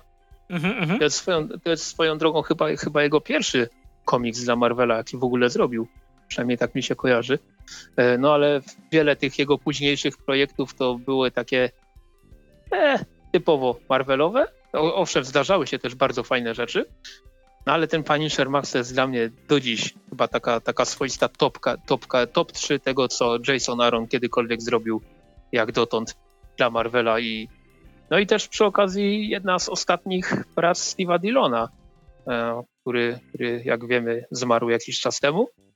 No a tutaj jeszcze, jeszcze wyrysował całą tą serię i zrobił to w takim swoim charakterystycznym stylu, więc jeżeli lubicie e, kaznodzieje czy, czy te wcześniejsze przygody Punishera z, wyrysowane przez, przez Dillona, to tutaj też nie będziecie, nie będziecie zawiedzeni. Po, powiem tak, że po, poziom graficzny jest, jest, jest odpowiednio dostosowany do tego, co się dzieje w scenariuszu. No to zde zdecydowanie jest bardzo obrazowo w wielu momentach. Oj, tak, nawet, momentami nawet aż za bardzo. więc, więc, więc naprawdę kawał porąbanej, momentami naprawdę chorej, ale jednocześnie strasznie satysfakcjonującej lektury. I no co, kolejny komiks, który polecam zdecydowanie, bo, bo na przykład powiem, powiem szczerze, e, końcówka ranu e, Enisa, to co mieliśmy w tomach szóstym czy siódmym e, serii Pani Shermax, no to to już tak nie robiło na mnie jakiegoś znacznie dużego wrażenia. Po prostu nie wiem, komplecista się, się we mnie uruchomił i sobie kupowałem o tak, żeby mieć, ale ten ósmy tom i to, co będzie w dziewiątym tomie, to jest znowu ten Punisher Max, którego, którego naprawdę lubię i, i myślę, że będę do tego, do, tego porąba, do tej porąbanej rzeczy wracał jeszcze niejednokrotnie. Mhm. No i co? E, będzie, będzie wszystko na, na, na dzisiaj. E, słyszymy się w kolejnym regularnym odcinku, oczywiście za dwa tygodnie, ale być może coś tam gdzieś tam jeszcze po drodze się pojawi. Nie mówimy tak, nie mówimy nie, nie mówimy więcej. Mówimy być może. Być może. E, jak zwykle czekamy na komentarze, opinie, jakieś słowa e, od Was, pytania. Staramy się na nie odpowiadać. E, no i co? Do usłyszenia następnym razem. Czołem. Cześć.